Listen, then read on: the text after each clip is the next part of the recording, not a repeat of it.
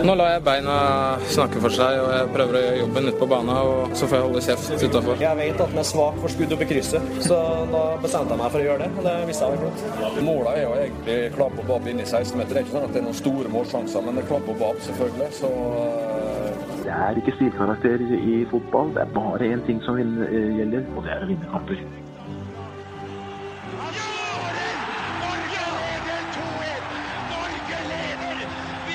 Og der er eh, toppfotball tilbake igjen, mine herrer. Og denne gangen sitter vi på din arbeidsplass, eh, Gardermoen, Lasse. Og det er ikke for å få eh, endring i arbeidsmiljøet vårt.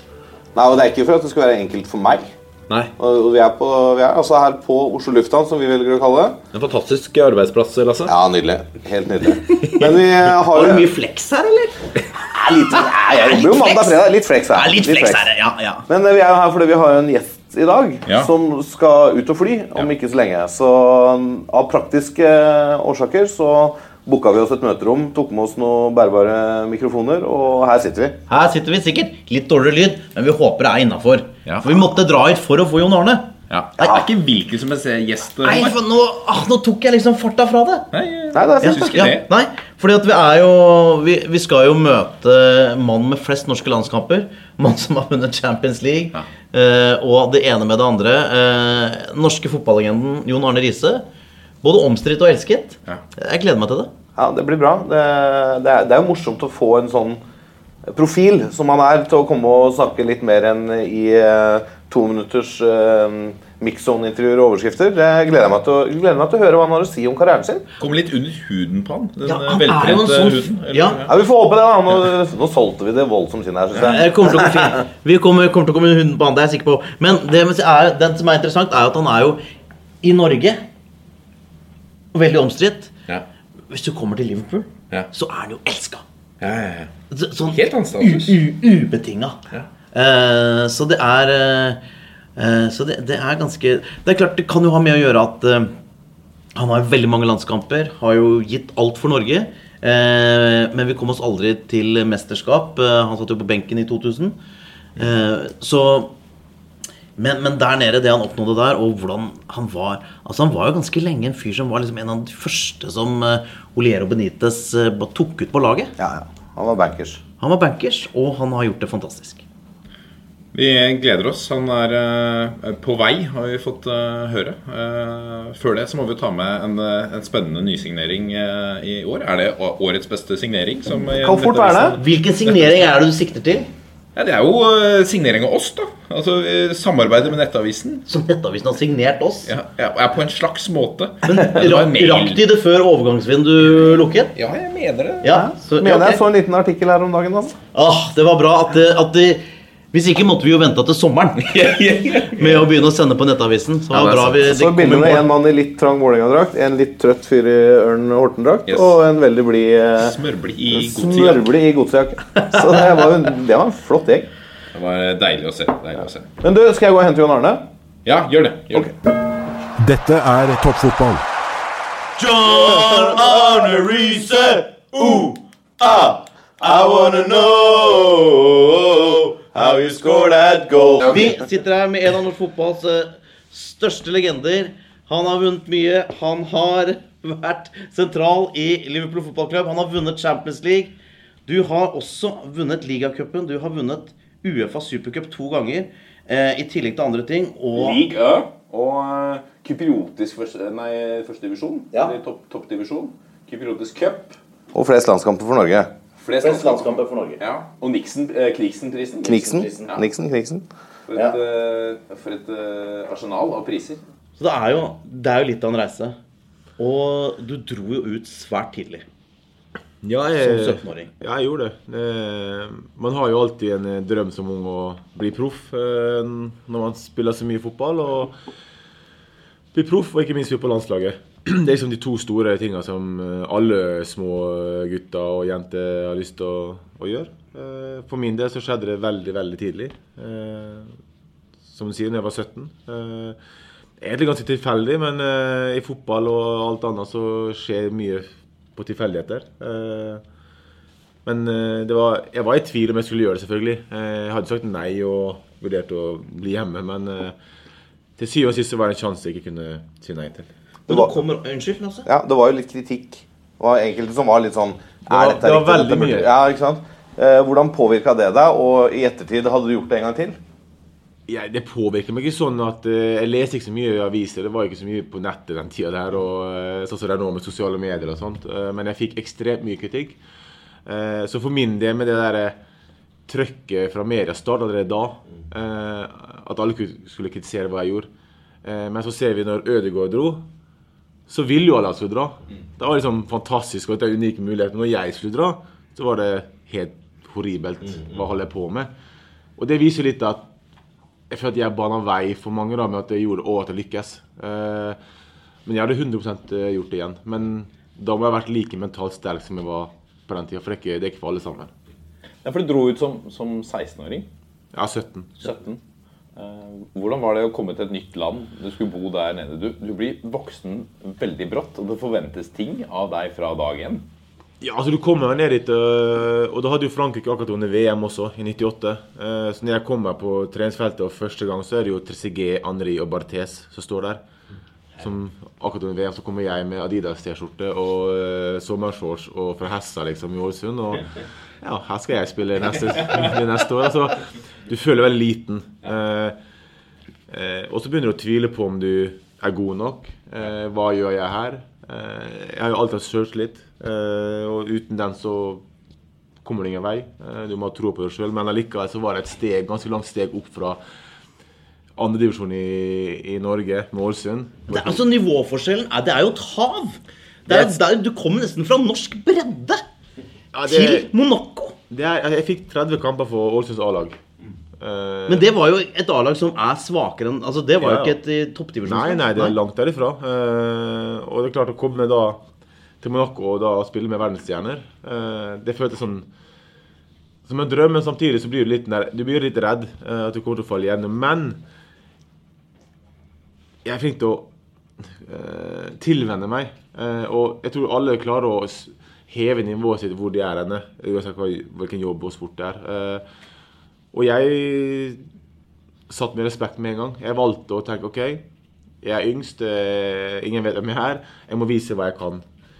Eh, og jeg, det første jeg var å vinne første løpeduellen. Kondisjonstesten. Der vant jeg. Og da satt jeg med respekt. For jeg visste at fysisk løpesterk har jeg alltid vært. Det er min styrke, pluss foten min. Og når jeg da hørte at ok, nå skal vi løpetest, så ble jeg glad. For da fikk jeg liksom vist For jeg fikk satt mye respekt blant gutta og blant trenerne og vist at jeg er her for å jobbe.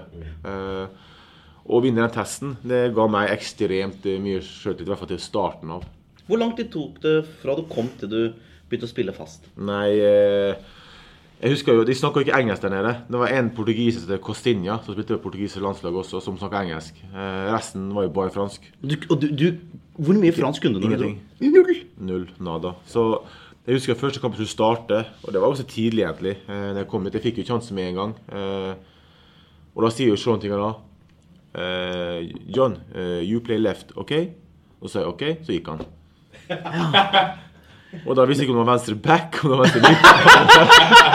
Så du måtte bare se hvem som stilte seg på flanken og tenke ok, men da er jeg bak han? Jeg måtte bare gå på møte da og se laget der, og så prøve å forstå pilene og hva han sa og sånt. Og, og det var jo noe jeg var ekstremt, jeg har blitt flink til både når jeg spilte i Italia også, at jeg lærer fort språk. Av en eller annen grunn. Jeg klarer å skjønne hva de sier, hva de mener, og omstille meg. da, og det, Så det var utfordring da, å komme og spille uten å egentlig få noe, få noe håp om hvor jeg skal spille. Jeg må liksom bare spille mitt spill og håpe at det går bra. Ja. Men hvordan er um, Det gjorde det åpenbart. Ja, det gjorde det åpenbart Det funka bra. Men du sier du kommer som 17-åring og setter deg respekt. Du er fra Norge. Eh, I hvert fall fra, i norske klubber, da, min erfaring eh, fra tida i Vålerenga er at eh, uansett hvem som kommer inn i den garderoben som spiller, så blir han en av gutta. Sant? Det er en del av gjengen. Det er sånn Du blir kjent første måltidet, og så kanskje første kvelden. Prate litt, og så er det én trening, og så er det en av alle. liksom. Er det sånn der òg? At du, liksom, du blir en del av gjengen? Det blir det, og du blir tatt godt imot, men jeg var veldig ung. Eh, og de fleste som kommer til enten utenlandske klubber eller norske klubber, så vet folk litt hvem det er. Eh, eller hva de har gjort før. Jeg var jo helt ny. eh, og veldig sjenert. Men sånn utenfor banen, på banen, så var jeg ikke det. Og jeg tror bare de likte at jeg kom inn der, for jeg er veldig sosial. Jeg har mye energi. Jeg har hatt hele livet. Og det er jo lettere å komme inn. Det er ikke sånn at jeg gjemmer meg. Jeg går frem og gjør ting. Og hvis jeg skal en øvelse, gjøre, så, så prøver jeg å være en av de første. Altså, det er sånne småting du kan gjøre sjøl for å hjelpe dem. Men ja, det er den garderobefølelsen at du blir tatt godt imot. Det har aldri vært i tvil om. Men så må du gjøre en jobb sjøl òg. Du må liksom prøve å komme i kontakt med folk. Prøve å finne hvem som snakker engelsk. Eh, være med på ting om det er lunsj. Ok, Du forstår ikke noe av lunsjen hva de snakker om, men du er der. Altså, fordi Italia også det, Jeg ble godt tatt imot fordi etter fire måneder så måtte jeg gjøre et liveintervju på Sky i Italia på italiensk. Ja, Så da du lærte språket på fire måneder? Ja, du måtte bare. Og bare det at du går og prøver, gjør at de får respekt for deg. Hmm. Og sammen i Frankrike, og så bare du tør å prøve småord på fransk eller italiensk Det var der. Altså, sånne ting det gjør at han der, han er her for å Men likevel forskjell når du var i Roma. Da var du jo en etablert Du var jo det var lettere, men Monaco var profilert europeisk back på toppnivå. Og plutselig i Monaco så ble jo, var jo sentral midtbane. Ja. Jeg spilte sentral midtbane i Monaco uh, pga. løpsstyrken min. Så, og det året vi vant ligaen, så spilte jeg jo 85% av kampene fra start. Eh, så, og så kom jeg da til Leopold og ble back, men eh, i Monaco så var jeg sentral midtbane. Vi må snakke om et, eh, et mål i Monaco som jeg Det står veldig sterkt tilbake for meg. Introduksjon, Da følte jeg at norske fotballfans virkelig ble introdusert for Jon Arne Riise. Og skuddfoten din. Det var, altså, I hodet mitt så er det nesten ved midtbanen. Det er nok å overdrive litt, men det er ikke så langt unna. Nei, det er ved den, den halvsirkelen der på midten der. Eh, og det er klart Jeg vet ikke hva det er med, med meg og, og sånne ting, men jeg føler bare at jeg har gjort ting opp igjen som har fått, gjort at folk blir oppmerksomme på meg. da. Eh, på godt og vondt, kan man si. Men, eh, og det målet, som du sier, det, det var jo rundt 40 meter og sånne ting. Eh, og klinende vinkel og vinner 1-0. Og jeg kom jo inn i den kampen også. Eh, så, og det gjorde jo at foten min og mitt navn ble eh, litt mer kjent i, i fransk fotball, og ikke minst også i, i Norge. Og drømmen min har jo alltid vært å bli en stor fotballspiller i norsk historie. Det har liksom vært eh, et stort mål jeg har hatt. Og, så det var liksom Signere tidlig, ja. 17 år, fikk mye kritikk for det, men eh, det målet var liksom OK, nå er det på tide å vise hva jeg kan. Du vil vel kunne oppsummert nå, da, siden vi vet at du har lagt opp, så at du har blitt et stort navn i norsk fotball, det kan du vel sette deg tilbake og si ja, det lykkes jeg med? Altså Målet mitt var sånn Mitt indre mål da jeg var ung, grunnen til at jeg trente 21 ganger i uka da jeg var 13-14 år, det var jo for at jeg ville bli best.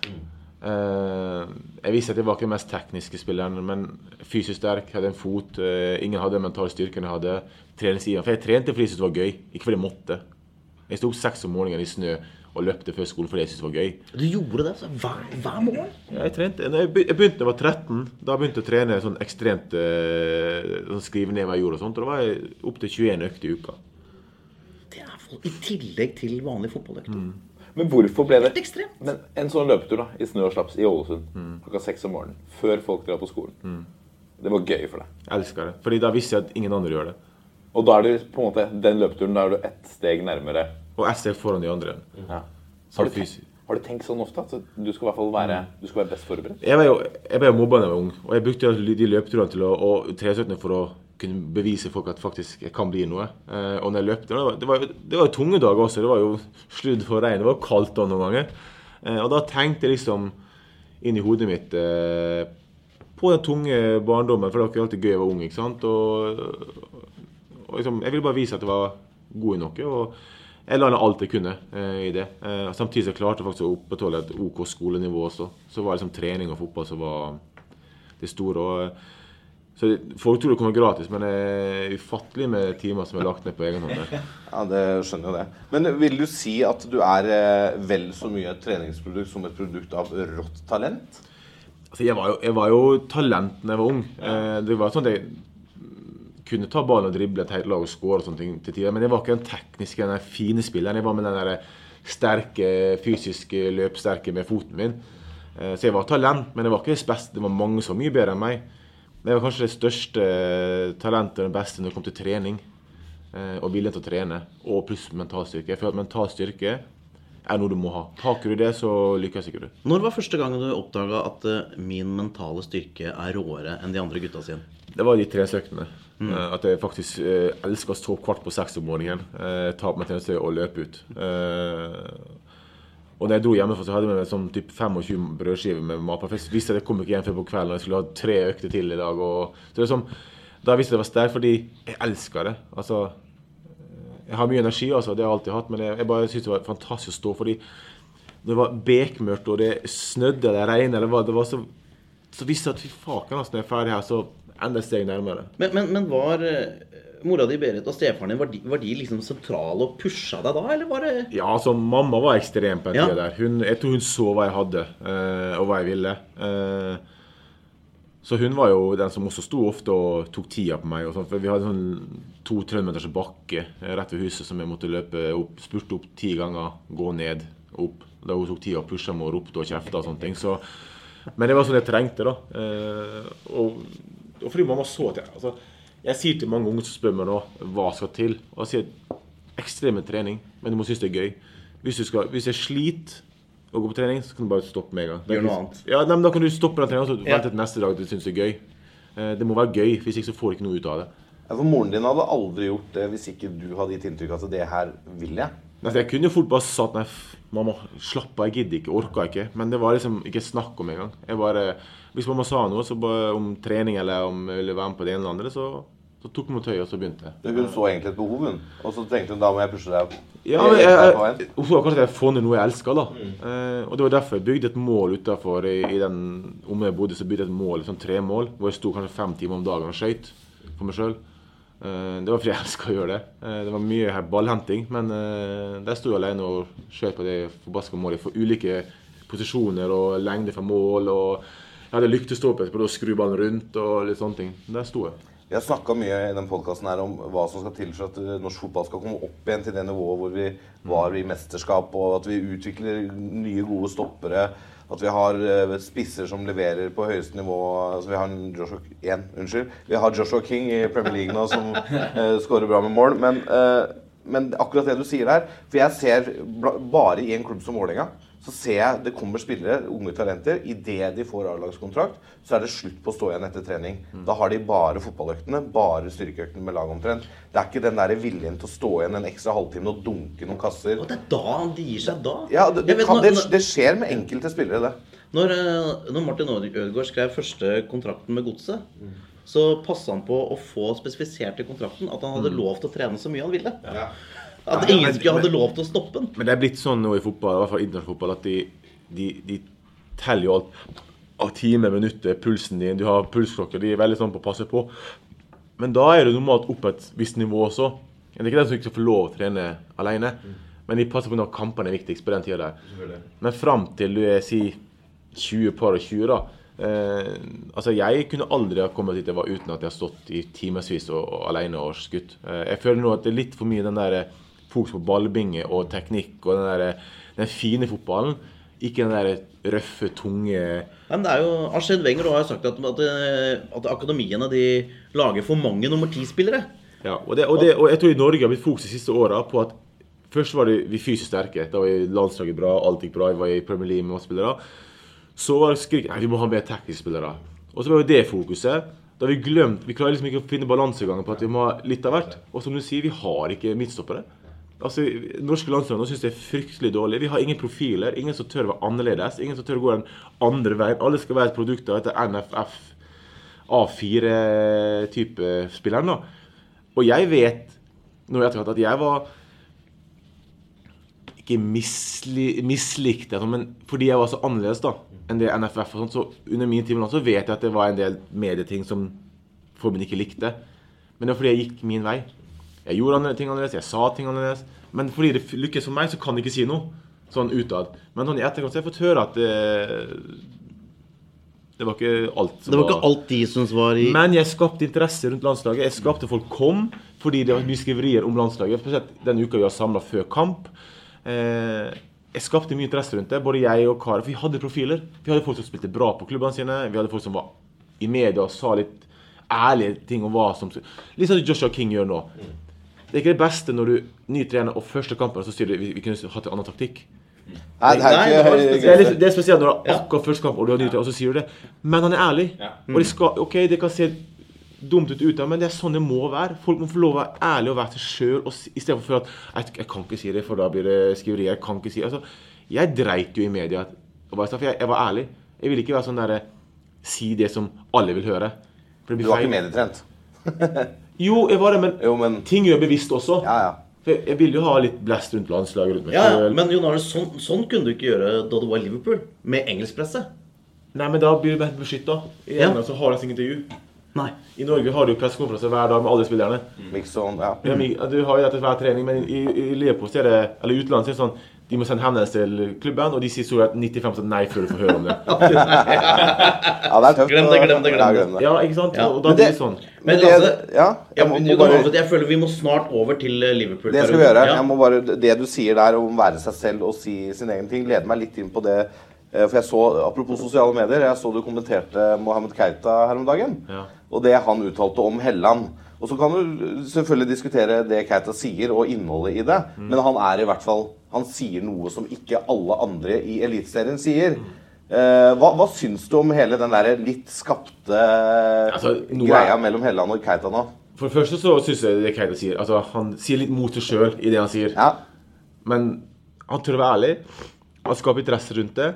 Og så måten Helland svarer på, er fantastisk. Det er sånn det skal være. Det skal være rom for at man skal kunne si noe, om det er en kritikk eller hva det er, uten at det skal bli krig. Sånn som jeg sa om eh, Hovland også på Twitter etter landskampen. nå. Måten han svarte på, er perfekt. Han tok det til seg. Alle har lov å ha egen mening. Eh, livet går videre. I stedet for å gå i forsvar og begynne å unnskylde seg. Ja, så jeg syns det er Keita var Klart eh, Keita, Keita. ja, men hadde jeg, men du, du sa Tenk om jeg gjorde det, da. Du- Hadde jeg, sagt, hadde jeg sagt det, da. Det har ikke vært en liten notis. Det og har, det har ikke vært notis. Det er, og, det, og det er forskjellen. Det er der jeg mener at Folk har blitt vant til at når jeg sier noe, så skal det liksom Da er det veldig mye galt.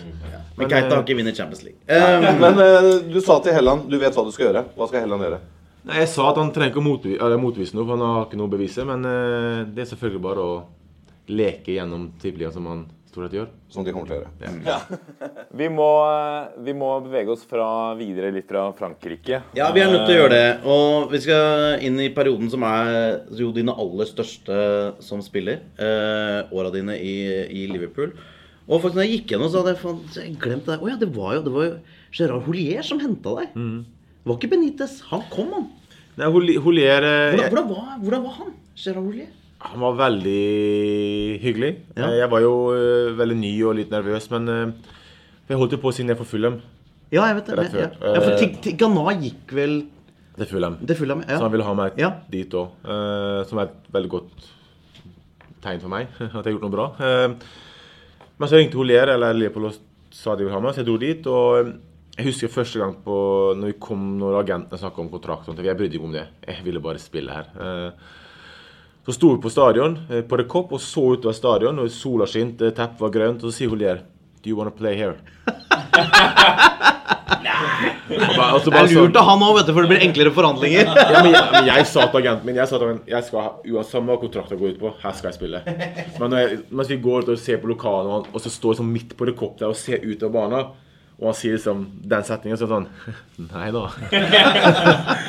Hvor signerer jeg, liksom? Det, det var den, så eh, Nei, det var Han var en veldig hyggelig mann, Også. Ja. Og, men så, så kom jo da eh, Rafa Benitez inn. Eh, og han er jo en fyr jeg, i Gerard beskriver jo Benitez som eh, en fyr som, eh, som ikke snakker til deg. Eh, og det er nesten sånn rørende når du leser Gerard, som er på en måte en av eh, liksom fotballens hardmen. Eh, hvor på en eller annen måte følsom og nesten sår eh, han er i forhold til det at eh, liksom Liker manageren meg? At, eh, at mm. han aldri får den der aksepten. Hvordan opplevde du Benitez? Altså det, som, det jeg har med manager, er at eh, jeg syns manager skal komme og vise autoritet. Eh, vise at de er sterke personligheter. Eh, stå på sin måte å spille på. Og når, eh, når Benitez kom, husker jeg Garoba, så kom med, med, med dress, slips. Litt tynnere enn det han er nå. Og du bare så det. Du fikk respekt. Han kom inn, visste eksakt hva han står for, hva han skal gjøre, hva han vil si. Og sånn der, du «Fuh, han der. Eh, alle starter på scratch med ny manager, stort sett. Eh, og han bare liksom, en gang begynte å prate, bare sånn, ja, han der. Så, men ja, han er litt Han liker å le og kødde litt, men du vet aldri hvor du har han. Eh, og det tror jeg er bevisst, fordi han vil at alle skal være på tå hev. Eh, gjør Gerard aldri noe frykte, Steven Gerrard. Han visste han skulle spille hver kamp, men det er ikke det jeg sier. Men Jeg tror treneren ville vise utad at her må alle stå på. 24-7, hvis ikke så spiller dere. Nei. Men det var altså, altså Carragher har jo sagt at om de snakker om når Benitez var i Liverpool, at den stilen han har, den holder her nå fordi at vi er på en, på en eller annen måte utfordrer utfordrerposisjon i forhold til der som Liverpool var da. Var, var, begynte å bli lenge siden tittel og de store Eller hadde jo Uefa-cupen, men, men likevel. Men da mente jeg at det, i Real Madrid og sånne klubber med Galacticos og sånn, så ville det bli vanskeligere. Og det viste seg jo. Jo, det gjorde det. Og klart eh, Benitez var veldig sånn Han var en taktisk manager. Han var veldig sånn Han så fotball hele tida, døgnet rundt. Eh, han satte opp laget sitt og taktikken etter motstanderen eh, for å ut, liksom, bygge opp for deres styrke, men utnytte deres svakheter. Eh, så Det var derfor jeg spilte veldig ofte eh, wing på bortebane, for han viste at jeg kom til å løpe opp og ned og også hjelpe Forsvaret. Mens på hjemmebane var jeg back, for jeg kunne gå fremover offensiv. Bare sånne ting tenkte han på med alle spillerne. Eh, Så Benitez var et taktisk geni, egentlig. Eh, Han var ekstremt god på det der. Men så Det som er største faren for alle mennesker, er hvis når du først får motgang, og du begynner å tvile på det du står for og har stått for, med formasjon, taktiske ting, og begynner å gjøre annerledes ting, da har du tapt. Og det tror jeg ble litt også i løpet for Benitez også. Når du begynte å gå litt imot, med media begynner å trykke på deg, du begynner å høre på media, litt sånn Høgmo med landslaget, så begynner du å endre på ting fordi andre syns det. Da er du ferdig. Og så solgte han Sabi Alonso. Så det, bare, bare det er jo eh, Men jeg, jeg hadde lyst til øh, du, du kom til Monaco. Da var du, da var det en unggutt som, som på en måte eh, hadde litt mindre forventninger til deg. I, i Liverpool så ble du, du henta inn fordi at du hadde vært god. Ja, jeg, ble, jeg, jeg var jo ung ennå, eh, men jeg var venstrebeint. Eh, og folk elska venstrebeint. venstrebeinte, for det ikke så mange av dem. Eh, eller mange opp på det nivået, da. Eh, og jeg husker jo eh, Holier sa jo til meg at eh, hvis jeg spiller 15 kamper den sesongen, som innbytter start sånn røftlig hele sesongen, så er han drithappy. Så spilte jeg 56 av 58. Og liksom viser at eh, Og da ble jo Markus Babel ble jo syk. Han måtte jo legge opp, jo. Eh, så jeg husker de første to seriekamper så var jeg på benken. Kom inn i pause begge ganger for han. Kerriga gikk opp på høyre back, jeg tok venstre back. Og siden jeg alle tilbake. Og det var jo litt fordi Jeg hadde et navn eh, Jeg hadde ikke et navn da, men folk var litt mer obs på meg. Og når du kommer til klubben for Liverpool, så må du prestere. Eh, du må vise at du er her. Du må ikke tro du har nådd noe fordi du har signert for klubben. Da, da tar spillerne med en gang. Eh, og jeg gjorde det samme der som gjorde i, i Monaco. Jeg husker første økta. Vi hadde 45 minutters løpetest på en bane på Tønsberg som var en kilometer cirka løype. da samtidig. Og så tenkte jeg ok, nå må jeg sette respekt igjen. Og så går fløyt, og så spurte jeg av gårde vet du, med en gang. Og så roper gutta bak Don't worry, we'll catch him later. Det gjorde de aldri. Jeg overlappa jo dem. Og det, med, og, det, og det fikk jeg vite i etterkant av både Murphy og, og Gerard. at Det gjorde at jeg satte mye respekt. At de visste at ok, han her er her for å bevise noe. Og det likte de. For normalt som skjer, er at Gerard, eller, Gerrard og Carrier bruker noe som heter sandwich på nyspillerne. En sandwich er at hvis på treninga har en ball, og så kommer Gerard fra høyre og Carrier fra og smukker rett. Det er litt sånn, det er sånn 'velkommen til klubben'. Mm. Men fordi det var løpetest først, så rakk jeg da bevise at jeg var her. Så jeg slapp den der sandwichen, da. Det er deilig velkomst. Det er nydelig. Rigo Bertsson likte ikke det. To, to. Eh, ja. 234 kamper. Nei, 348. 348? 234-serien, sikkert. Ja. Ja. kan Det er alle tar seriespill. den her 234. Ja, men det er seriespill. Ja, Det er seriekamper, ja. ja. Det er Vicky, vet du. Totalt er det 348 kamper for Liverpool. Hvor mange mål har Liverpool da, totalt? Mål? Ja. 35 eller noe Så du sånt. skårer i hver tiende kamp som back. Stort sett. Det er innafor det, altså. Det er enormt. Det er. Det som, var, det som var var stolt var at jeg spilte nesten 50 kamper i snitt på syv år per sesong. Pluss treningskamper, pluss landskamper. Og stort sett var det fra start. Og sjelden skada, ja. Ja, og, men var sjelden innbytter, egentlig. Ja, ja. Eh, og det er liksom noe jeg er veldig opptatt av. At jeg vant og spilte Jeg vant trofé og spilte kamper fordi fra start at jeg var liksom ikke en, bare en del av laget og liksom kom litt her og der og fikk minutter her. Det var liksom en stor del av det, og det er noe jeg er veldig stolt av. For det, det er ikke det mange som kan si, da. Nei, det er ikke mange som kan si. Det er helt riktig. Eh, og vi, vi må jo snakke litt om, om disse her eh, skåringene dine for Liverpool. Altså de eh, Everton United Er det For du scorer de matchene der liksom fansen vil ha det som aller mest. Og at scoringene er helt sjuke. Jeg tenker, er, Går du gjennom noe i huet ditt før at du vil ha de måla i de kampene, eller hva skjer? Jeg vet ikke. Jeg, jeg, var litt som jeg sa tidligere, at man, man, man må liksom ha tro på det sjøl. Og så er det å sette respekt hos fansen òg. Det, det viktigste for meg er fansen. Jeg har alltid vært eh, spilt for dem. Og jeg føler på at jeg har en ting med at jeg, de beste spillerne i verden blir huska for at de er i de store kampene. Det er da jeg skal prestere. Uh, og en eller annen grunn så klarte jeg å prestere i de store kampene. Uh, om det er mål eller jeg spiller gode kamper. Og det har alltid vært sånn at jeg, må, jeg scorer når jeg må score. Uh, for eksempel Jeg vil ha en god start i Liverpool. Ingenting bedre enn å score mot Everton, Newcastle United de første to månedene. Og ikke bare score, men et raid. Ja, og, og, ikke, og, og syke mål. Noe som gjør at min, min inngang til Liverpool blir mye lettere for meg med fansen, med spillerne. De tar, tar meg til mye fortere. Jeg får sjøltilliten tilbake at jeg er god nok. For du, du vet jo aldri om du er god nok på det nivået heller. Eh, så jeg har liksom bare hatt en ting at jeg scorer når jeg bør score. For min egen del og for laget sin del. Eh, og det samme gjelder når jeg har fått kritikk i media. Hvis det har vært store saker i media som har vært negativt. Så jeg skåret til neste kamp. Ja, etter Truls Dæhlie Ja, slakta deg, så Ja. Slovenia, så bang. Noen sånne ting. Det har alltid vært min ting. Og jeg vet ikke om det er noe med hodet mitt, eller om det er fordi jeg er god. Eller, altså, det er bare noe som tenner meg, da. Eh, store kamper og litt kritikk her og der. Det, det tenner meg litt. grann.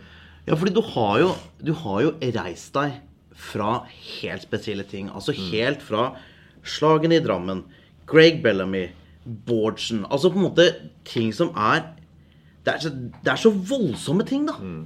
Helt fra, den- fra den bussen. Altså, for en sak det var i norsk media. Altså, Det var jo ingenting annet som, som Altså, vi som var litt fotballinteressert, hva faen skjer nå? Nei, altså jeg har eh, hatt eh, opp gjennom livet og karriere hatt eh, ekstremt mange tøffe omganger med media og tøffe saker som, som kunne knekt mange. Men jeg hadde en tøff oppvekst, ble mentalt sterkere. Og sånne ting som det gjør at jeg vet at folk ser på meg negativt, eller har eh, Ja, nå, nå knekker jeg han. Eller nå, nå er han ferdig. Men det gir meg energi til å snu noe positivt og bruke det til å prestere bedre. Til å motbevise alle som tenker det. Eh, og tro meg, det er mye som er gjort sikkert sagt annerledes. Jeg vil aldri si at det, det er noe jeg angrer på, fordi det jeg har gjort, har gjort meg til den personen jeg er i dag. Men det, det er ting jeg kunne gjort annerledes, det er ingen tvil om. Samtidig som jeg at media har jo hatt en liten jakt på meg, fordi de vet at skrive om meg i den perioden der var veldig bra for dem, fordi det skapte interesse. Sånn, sånn er det. Sånn er det, men altså, Jeg skjønner jo medias sin del også, men til tider har det vært jævlig tungt. Det må jeg bare si. Det har vært, eh, det har vært langt ned når du står helt alene og går på gata og du hører folk rope ting etter deg. Om det er SMS-sak eller Ferrari eller Bårdsen eller et eller annet, så får du ropt ting etter deg. Men så klarer jeg da i kamp å bare prestere, som gjør da at folk er positive igjen. Ja, for det, det er særlig dette her med hele det Bårdsen-greia. Og du, du er plutselig Ikke sant? Du har oppnådd en eh, helt sjuk guttedrøm. Du, du, du tjener mer enn vi kommer til å gjøre til sammen. Altså, ting er bare Og så plutselig så er du i trøbbel. Og det er Jeg tenker det må være så utrolig sånn jævlig hard ryggen mot veggen-opplevelse. Ja, men det, For meg har penger aldri vært noe viktig. Eh, ja, det er hyggelig å ha det, og du kan leve og du kan gjøre ting, men så, så nå, jeg tenker ikke på penger. Jeg, jeg vil heller ha det gøy, leve livet. Alle som har mye penger, sier det. Men Jo, nei, men, men så husker jeg, når, når jeg fikk beskjed om det, eh, så hadde jeg møte med advokaten min, så fikk jeg den der smellen. Jeg skulle få stat, for jeg har begynt å møte med advokatene mine og mine rådgivere for å liksom, få status hvordan det ligger an. Og da fikk jeg den der smellen. Boom! Du har 35 mill. i gjeld. 35 mill. i gjeld! Men det er, så, det er så vanskelig å få huet sitt rundt det. Men det, altså, det var, jeg kunne betale det tilbake, men jeg visste ikke om det. da Så jeg fikk liksom bom, det. Og det var sånn Skjønte jo ingenting. Helt uvitende. Men åssen er det da å gå på trening? Nei, det, da Når du får den, og det er jo sagt før, da, da fikk jeg meg en knekk. jo akkurat den Men det syke, da, det er faktisk sant det, I to minutter så gråt jeg. For jeg var, jeg var sjokkert. Hva faen har skjedd, liksom? Så, og det, det, er, det er sann historie. Så slår jeg bordet, for jeg visste at jeg var ung ennå. Og så slår jeg på OK, dere fikser det. Nå skal jeg ha har mange år igjen. Det er løse. Null stress. Fiks det. Ordne opp. Betal. Whatever. Nå skal jeg spille. Så gikk jeg ut, så, så gikk jeg ut av rommet. Ja. Så, så var det og, så var det liksom Men du, da, første trening, du var nullstilt? Ja. Når jeg gikk ut rommet, for jeg visste at okay, de har fått oppgaven med å fikse det og ta opp eh, kontakt med de som det er gjort med, og så fikse det. Og så fokusere på å spille fotball. Og, fordi jeg visste at det ville kom ut jo. Og da visste jeg at ok, nå kommer jeg en ny runde Nå blir det rabalder, og da, da må jeg forberedt. Og det, klart, det var ikke gøy, men jeg visste det mange år igjen. Jeg hadde fremdeles guttedrømmen jo uh, inne. Og uh, ja, så jeg, jeg gikk uh, på trening og prøvde å vise at jeg kan fremdeles spille fotball. Men tror du den mentale tøffheten, den litt tøffe oppveksten som du snakker om, gjorde deg mer disponibel for å lykkes i en klubb som Liverpool, som har vært litt sånn underpresterende i mange år, men det er alltid høye forventninger, og så har du den byen og den, den eh, historikken som ligger i veggene på Anfield, i, i byen i seg selv. Tror du det gjorde Jeg, jeg, jeg tror hele oppveksten har, eh, og liksom den mentalsyken har redda meg overalt jeg har vært. det. Uten den mentalsyken så, så lykkes ikke du. Eh, Du må Folk misforstår det kanskje som cocky, men du må ha ekstremt tro på deg sjøl. Du må si til deg sjøl og tørre å si utad også at du er god nok, og at du skal gjøre noe. Jeg var stor i kjeften og sa ut at jeg skal vinne det og det og gjøre det og det. Folk cocky, herregud, hvem er han, tror han er. Men så gjorde jeg det. Jeg klarte det. Og hva sier folk da? Ingenting. Så jeg brukte det, for du må være jæklig tøff med deg sjøl for å lykkes. Fordi, og jeg, jeg vet at det har redda meg. Eh, Og i Liverpool så var det Jeg er opptatt av at fansen skal respektere spillerne. Og det eneste du kan gi fansen, det er 110 innsats. Alle kan slå feilpasning, du kan ha en dårlig kamp, men du kan unngå at folk sier at det ikke er galt. Og det var jævlig viktig for meg i hver kamp. At jeg skal komme i garderoben og være dødssliten. Vite jeg løpte som pokkeren, ga alt, prøvde det jeg kunne. Så ingen kan ta ham på det. Og det er det ingen som kan. Og ingen som har gjort til dag i dag. Og det var viktig for meg, fordi da respekterer fansen deg. Vi må videre til underet i Istanbul snart. Ja, det må vi òg. Vi, er- vi er nødt til det. altså. Jeg vet, Ja. jeg vet for, for deg som er Liverpool-mann, eh, Håvard, Ja. spesielt. eh, Men, men jeg føler litt sånn at du er Det er min tanke, men du er norsk fotballs Petter Northug litt. Har du, tenkt, har du tenkt i bane selv? Det har jeg tenkt i flere år, og det er sikkert derfor jeg elsker Petter Northug òg. Nei, men jeg, jeg Altså, Men han slipper unna med alt. Hvorfor gjør ikke du det? Han skiløper? jeg, føl, altså jeg føler at uh, Jeg skjønner jo folks syn på meg til tider. Uh, og at folk har uh, det, Ja, Hva mener du med det? Nei, Jeg skjønner at folk kan misforstå ting som cocky, og at det er det ene og andre, og at det sier mye dumt i media. Men folk kjenner ikke til historien og hvorfor ting er som det er, og hvor- og at folk er annerledes. Og jeg har aldri, ment, jeg har aldri såra noen. Jeg har aldri drept noen. Eh, Jeg har ikke gjort noe sånt. Jeg har bare vært ærlig og åpen i media. Og så er jeg annerledes. Altså, at det er en unnskyldning, det er bare at jeg er bare sånn. Altså, jeg har ikke lyst Jeg tror ikke Petter Northug kunne lykkes med å være Marit Bjørgen. Jeg kunne aldri lykkes med å være Brede Hangeland, for eksempel. Skjønner med, med den måten de er på. Fordi det jeg, jeg sier veldig ofte, jeg sammen med meg selv, jeg og Northug er som Bjørgen og Hangeland. Bare at Ja, men, ja, men Det er et veldig fint bilde. Jeg må, bare- jeg må bare la det synke ja, inn. men, okay. ingen som, det, det er fram til at det er ingen fasitsvar hva som er riktig vei til suksess. Alle har sin måte å være på. Jeg og Northug er sånn som vi er. Vi er veldig like. Ekstremt like. Sikkert derfor vi har god kontakt og liksom sånt. Vi er ekstremt like på det der. Mens Hangeland og Bjørgen er like på sin måte. For de er sånn den A4 norske modellen, mens vi to er noe annet. Men vi har, vi har alle fire lykkes på vår måte. Så det, det er vi fram til at det er ikke noe fasitsvar på hva som er riktig måte å være på, for du må finne din vei. Jeg fant min vei må være Folk kaller det cocky, men ekstremt stor selvtillit. Tro på meg sjøl. Tør å si hva jeg har lyst til å oppnå. OK, mislykkes jeg, så gjør det, da. Men det har i hvert fall prøvd.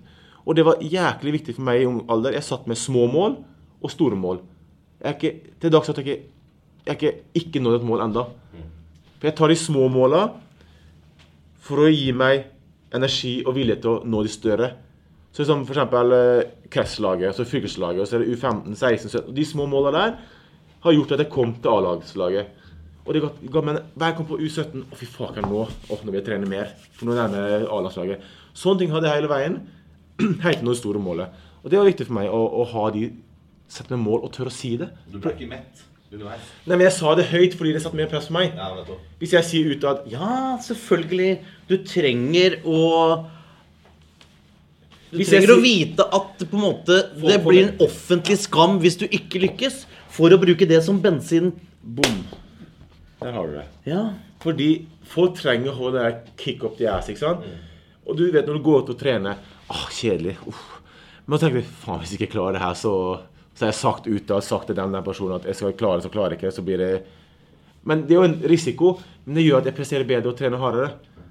Og det har jeg brukt litt bevisst. Det er selvmotivering, altså? Egentlig på at jeg, trenger, jeg slipper å gjøre det sjøl. Folk presser meg utenfra som gjør at jeg får det med meg, som gjør at jeg går på treningssenteret og pusher meg.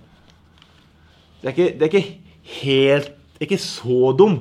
Jeg har noen bra Jeg har ingen som Nei, men jeg har noe jeg har, det, det, det er meningen med det. Ja, jeg, jeg, jeg liker tanken, fordi at det er eh, no, Noen krever en trener som står og pusher seg og sparker seg i ræva. ikke sant? Andre bruker sine egne styrker eh, og sine egne målsetninger og tør å si det offentlig. Eh, Peter Northug eh, som vi da nevnte, er jo også en type som tør å si at eh, jeg skal gruse Halvsåsson på oppløp, eller det er ingen som klarer å henge med. Så blir han latterliggjort, og da vet han da må jeg pushe enda hardere. Og det, For å mislykkes i forhold til sine egne Ja, men også, den der At du setter et høyt Altså, Jeg sa tidlig at ok, jeg vil huske huska som kanskje Norges beste fotballspiller. Jeg vil vinne Champions League. Bla, bla. Det er jo syke måneder når du er 14-15-16 år. Helt horrible. Men OK, hvorfor ikke? Lykkes ikke, så jeg har prøvd. Og det er det jeg sier.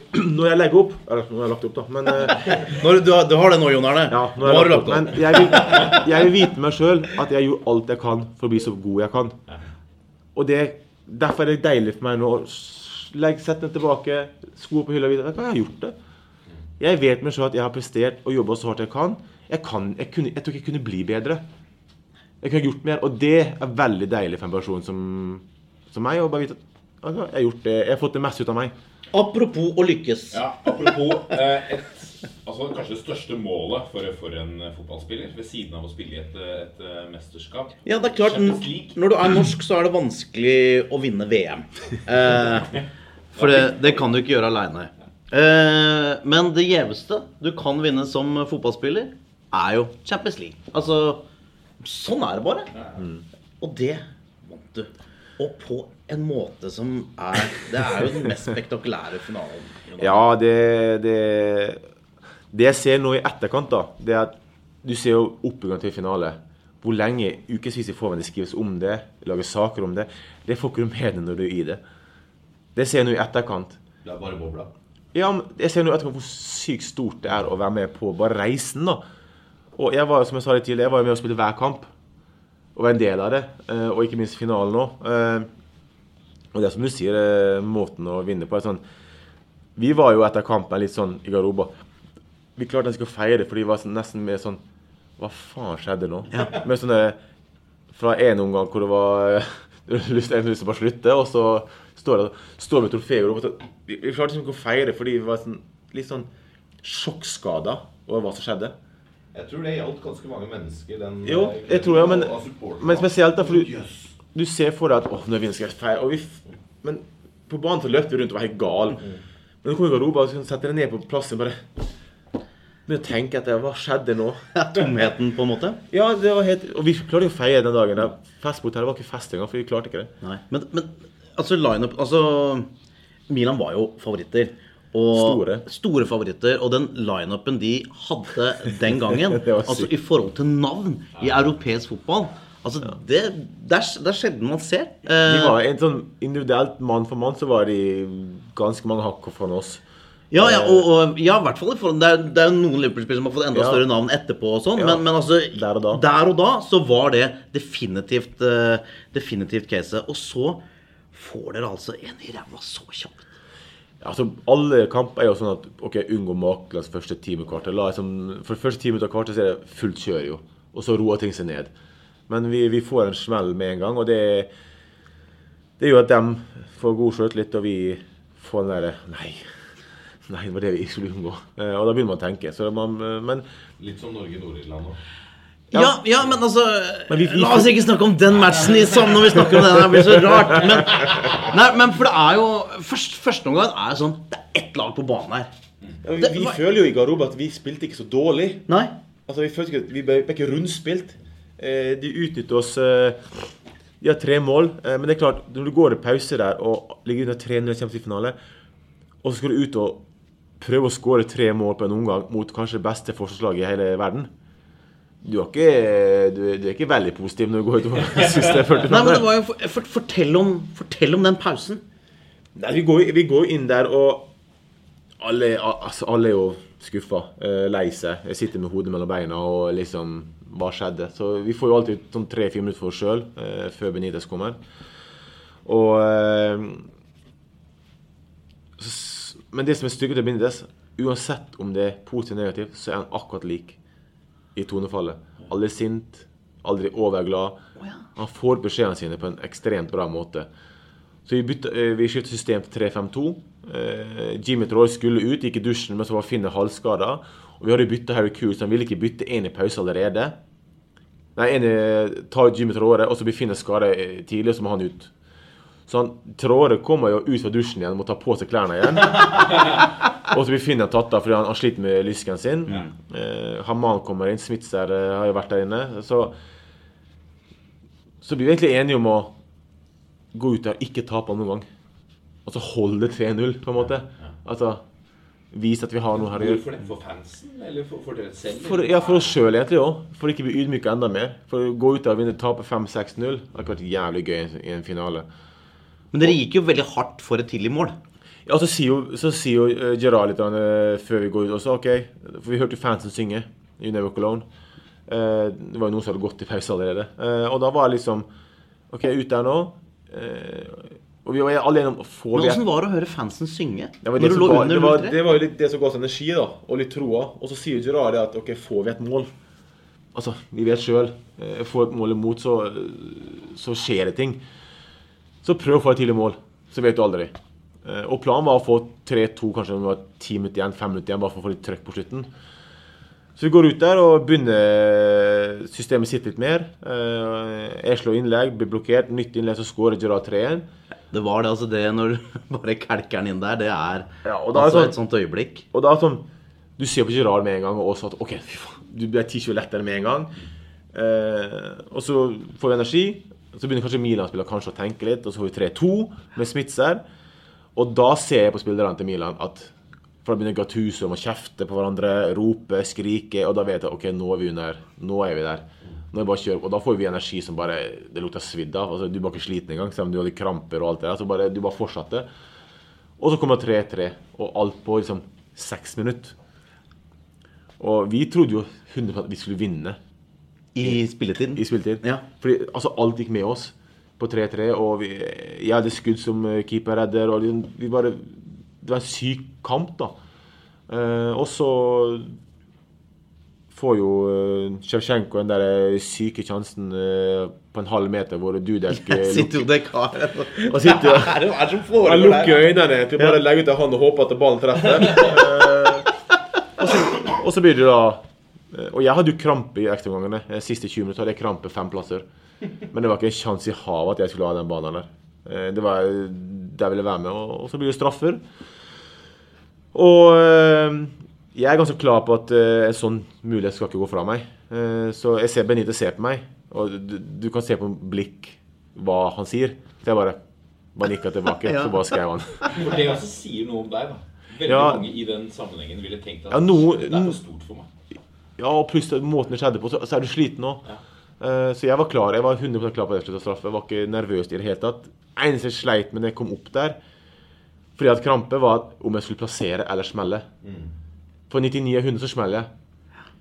Eh, så jeg gikk faktisk den lange fra midtbane til straffa, så gikk jeg og tenkte plassere, smelle, plassere, smelle. Nei, du hadde ikke noe plan. Nei.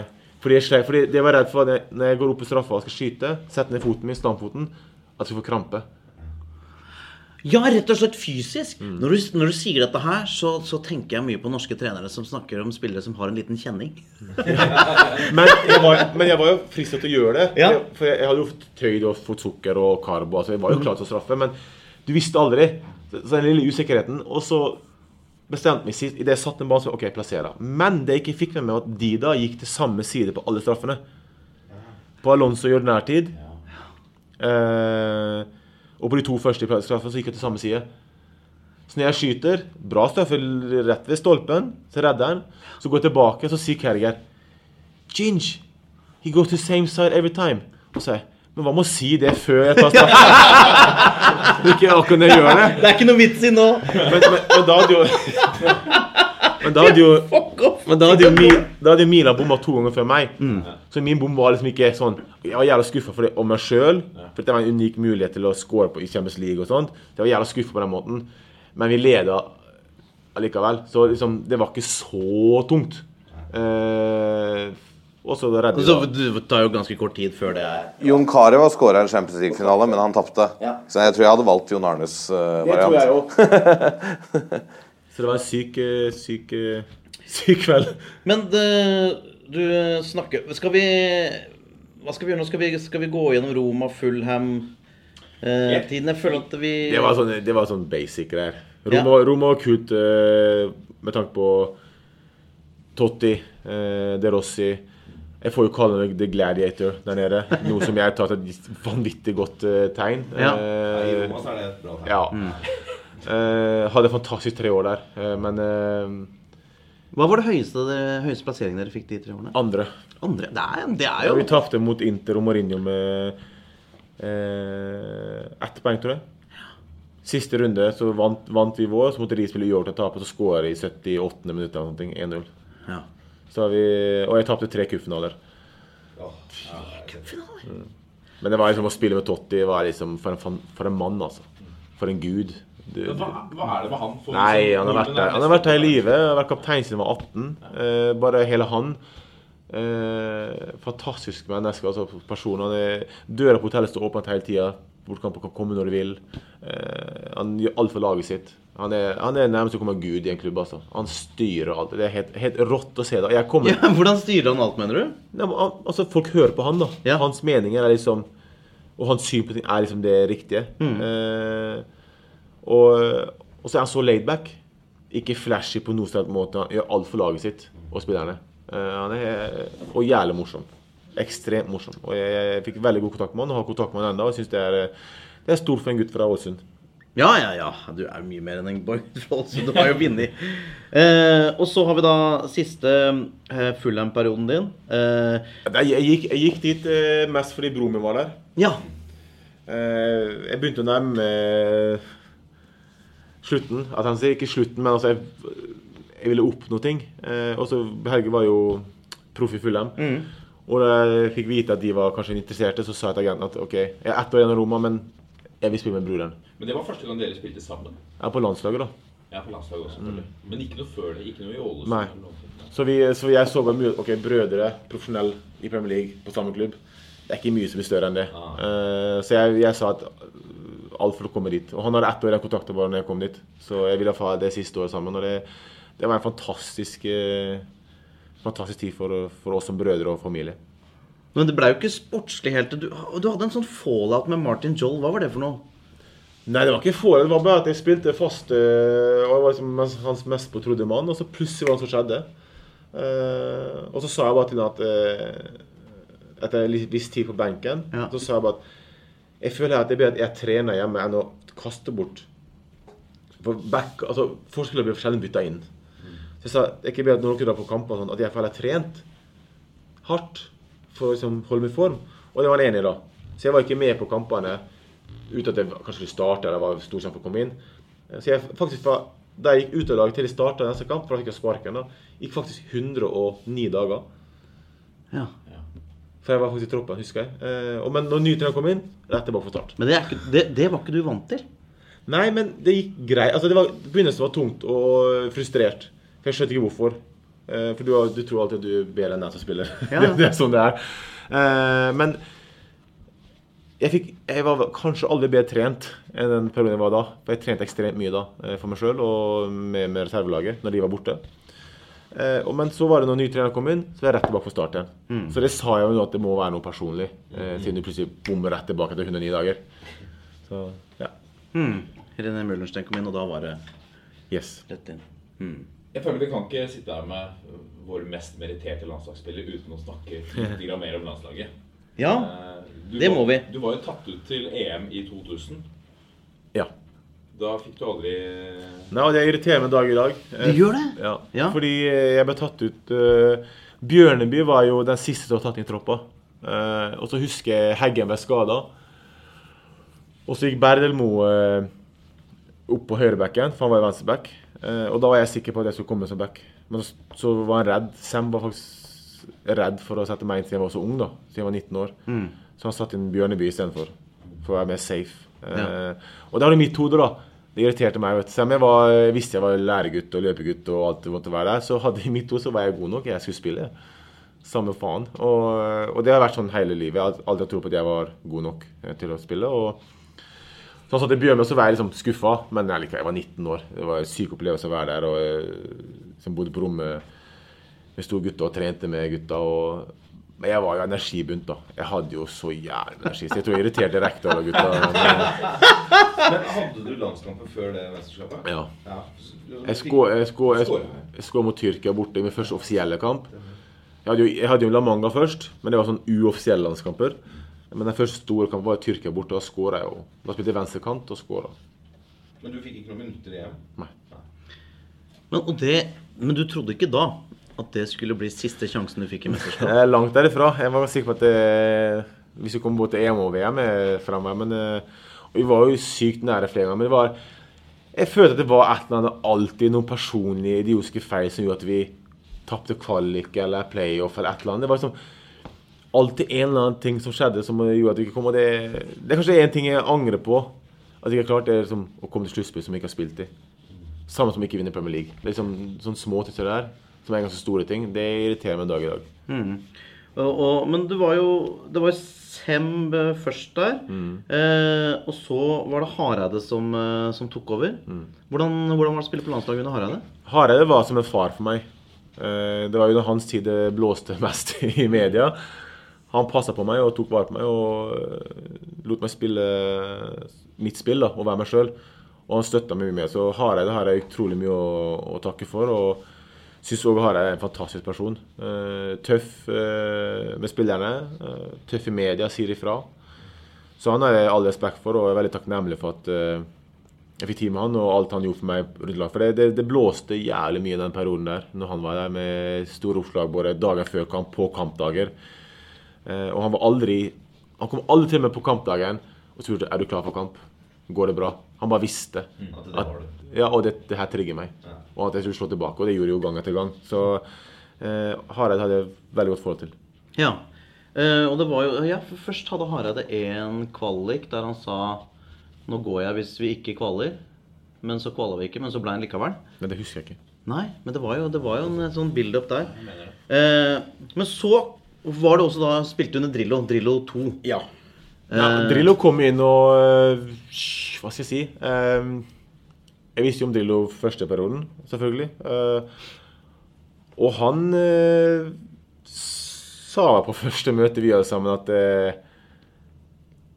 han var ikke stor fan av meg. Sånn Han er så direkte. ja, men, ja, men han, han la fram på en veldig bra måte, egentlig. Ja, ja. Eh, sånn, han har hørt mye om meg, da.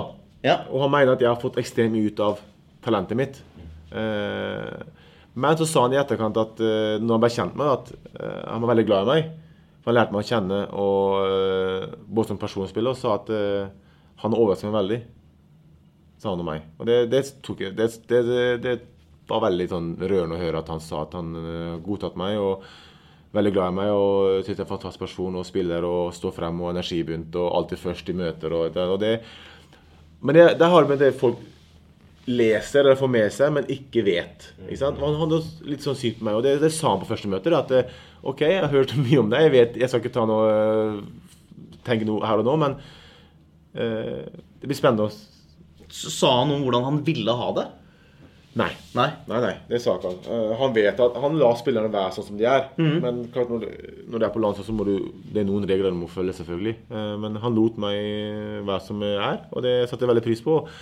Jeg er veldig glad i Drillo. Jeg syns han er en fantastisk person og vet mye om fotball. og Han begynte å bli gammel på den tida der òg, eh, selvfølgelig. Eh, men eh, Du vet, det er altså, I moderne tid altså de to beste landslagsperiodene vi har poengmessig, det er Drillo 1 og så er det Drillo 2. Og Så vi- Han står, jo med, han står jo med gullskrift i norsk landslagshistorie. Å få, få en sånn hva skal jeg si, CV, eller en referanse fra han i etterkant. da, At han tok feil. og han er veldig glad det. Må være hyggelig å høre. Ja, fantastisk. Og klart, eh, jeg husker eh, det siste målet skulle over Slovenia bort, Slovenia hjemme på en straffa. Og da husker jeg blikket til Drillo på benken. Der sitter med hendene inn i øynene. Og liksom, for det var 1-1 det var på overtid. Og jeg skulle egentlig ikke ta straffa. Men du krevde den, du. Nei, det var bare at eh, Tarek, Jeg tror Tarek skulle ta ham, han var bytta ut. Yes. Og så var Espen Ruud nummer to, tror jeg. Men Og her har du mitt syke hode, da. Det er jo bare Kom med det. Når den straffa skjedde For jeg, jeg følte jeg var så energi. Og så snu, Idet jeg ser dette og blåser, så snur jeg mot uh, benken. Og så står jo uh, Ole By Riise på der og skriker og sånn. Så, så det var jo sånn Jeg tar den, sa jeg. Ja. Han. Jeg tar den. Og så, var jeg, og så ser jeg på Espen Ruud, så han var ikke sånn derre på vei bort til å ta ballen, ikke sant? Nei. Så jeg bare skjønte at det er min straffe. Det er sånn perfekt. Eh, Det er litt, litt skriverier før kampen, bla, bla, bla. Ja, ikke sant? Og så bare Så så jeg på Og så sa Ola bare Jeg løpte jo fra backplass. Det var nesten som Vingdal. da. Hva, hva sa Ola By? Og så bare OK, du tar Det er greit. Jeg, jeg lager ikke noe nummer her nå. og, da tenk, og da tenkte jeg sykt godt, og det var ikke for å være ego. For folk sier det i etterkant at ok, han tenker bare på seg sjøl. Han ville få seg sjøl frem. Men det var fordi jeg visste at jeg var den rette personen til å bomme, faktisk. For hadde jeg bomma der, hadde Espen Ruud bomma, så tror jeg jeg hadde knekt den. Men fordi jeg var sikker på at jeg er rett person til å score for første, men bommer jeg, så er jeg en person som kan takle det òg. Du tåler det. Jeg tåler det. Så jeg tenkte faktisk Du så på deg som, som den som var best skikka til også å mislykkes. Yes. Til å score, men også til å mislykkes. For det her er perfekt anledning til å score på, og det er en stor anledning og viktig kamp. Men også den som kanskje takler motgangen best hvis du bommer. Og det har ikke folk tenkt over. Men sånn tenkte jeg, og folk tror ikke det om meg. Men jeg gjør alt for laget. Men ja, selvfølgelig tenkte jeg at jeg kan snu ting, jeg også. Noe som skjedde, men uh, laget er viktigst. Og eh, jeg følte meg størst og viktigst for å skåre. Vi må innom uh, Per-Mathias òg. Jeg var ikke der. Har du aldri spilt under, da? Jo. Jeg var kaptein på U21-mann. For du har ikke en eneste eh, A-kamp etter at han tok over? Nei. Jeg sa jo Jeg, jeg ga jo meg eh, Jeg husker ikke hvilket år jeg ga ham på landslaget, men det jeg kan si, da eh, Skal jeg legge fram det her, da. Når jeg ga ham på landslaget, så var det mye intriger med det folk som ikke likte i systemet. I NFF? Ja. Spillere, eller? Nei, nei. Nei? Eh, Ledere oppi de gutte, gamle gubben-greiene, hva de heter oppi der. Eh, fordi jeg fikk ikke de, Jeg visste de var imot sånn som jeg var. Samme hvor mye jeg skapte for landslaget, så var de imot det. Det visste jeg. Den dagen jeg ga meg, og sendte pressemelding og sendte, sendte først NFF først Ikke én person ringte meg. Ikke én person i forbundet ringte meg, jeg ha melding eller kontakt Nei, ikke gjør det. Hvorfor gjør du det? Eh, bli litt til. Ingenting. Hørte. Og det sa meg Det her ville de. Følte du at du var glad for å bli kvitt deg? på en måte? De- Var det kvitt et Jeg problem? følte at de nå kunne begynne å fokusere på den NFF-metoden. Nå kan de få alle til å være lik. Og, og jeg syns det er veldig spesielt når det er 110 kamper, jeg har gjort mye for landslaget, reise verden rundt, og ikke få Jeg fikk fra Drillo takk for alt. Drillo sendte. Ja. Men Ja. fra lederne Ingen tok kontakt med meg. Og det, det syns jeg er jævlig spesielt. Og det sa meg noe. Jeg husker jeg sa til familien og kona at altså, ikke én person har ringt meg eller sendt melding eller spurt hvorfor gjør det, ikke gjør det. Altså, ingenting. Altså, hadde jeg Hadde Kara gitt seg, så hadde jeg spurt ja, men nei, kan bli litt til. da. Altså, hvorfor, og hva skjer? Mm. Ingenting. Og det sa meg nå at uh, noen oppi der uh, var happy med mitt valg. Dessverre. Mm. Hva syns du om uh, Da har du sett hele Høgmo-regimet fra utsiden. Hvordan, hvordan vurderer du det? Jeg elsker Høgmo. Eh, Jeg skulle gjerne spilt med han, men eh, jeg følte at Litt som jeg sa tidligere Hvorfor du- elsker du Høgmo? Hva er det med Høgmo Det han står for, måten han spiller på. Men eh, jeg føler at spillerne svikta ekstremt. Og som jeg sa tidligere, hvis en manager går bort fra sine sin måte å spille på, det han tror på, så taper du. Det gjorde Høgmo til slutt. Han begynte å høre på litt, se på media, høre på andre rundt seg, skifte system, bruke spillerne feil, andre posisjoner. Da har du tapt. Ja, for, men, men Per-Mathias Høgmo er jo en fyr som i den norske offentligheten har en, en lav stjerne. Altså, altså etter, etter dette landslagsprosjektet som han Men det ser han selv, òg. Ja, men, eh, Men fortell hva som er bra med Høgmo. Altså, jeg var på U21 og var kaptein der og har hatt kontakt med han i alle år. Eh, og jeg skrev melding til han og tok over at eh, hvis du trenger meg, så, så er jeg klar. Eh, men når du har eh, når sponsa Batson, så vet jeg at de var ikke så happy for det. Men jeg, jeg bare la frem den der uh, ideen at kanskje jeg kan spille og være sponsa Batson. Det var liksom min uh, tanke bak det. Uh, men eh, jeg føler bare at som jeg sa, Spillerne klarte ikke å prestere opp mot sitt beste som han ville. Og så ble det jo en del valg som så rart ut utenfor. da. Eh, litt litt for eksempel, da. Hvor jeg følte at det laget han spilte i andre kamper borte, skulle han spilt hjemme, og motsatt. Eh, og spille med Henriksen som spiss, som, som aldri har spilt spiss og ikke trent på det. og sånne ting. Sånne ting er ikke Høgmo. Men nå skjedde det.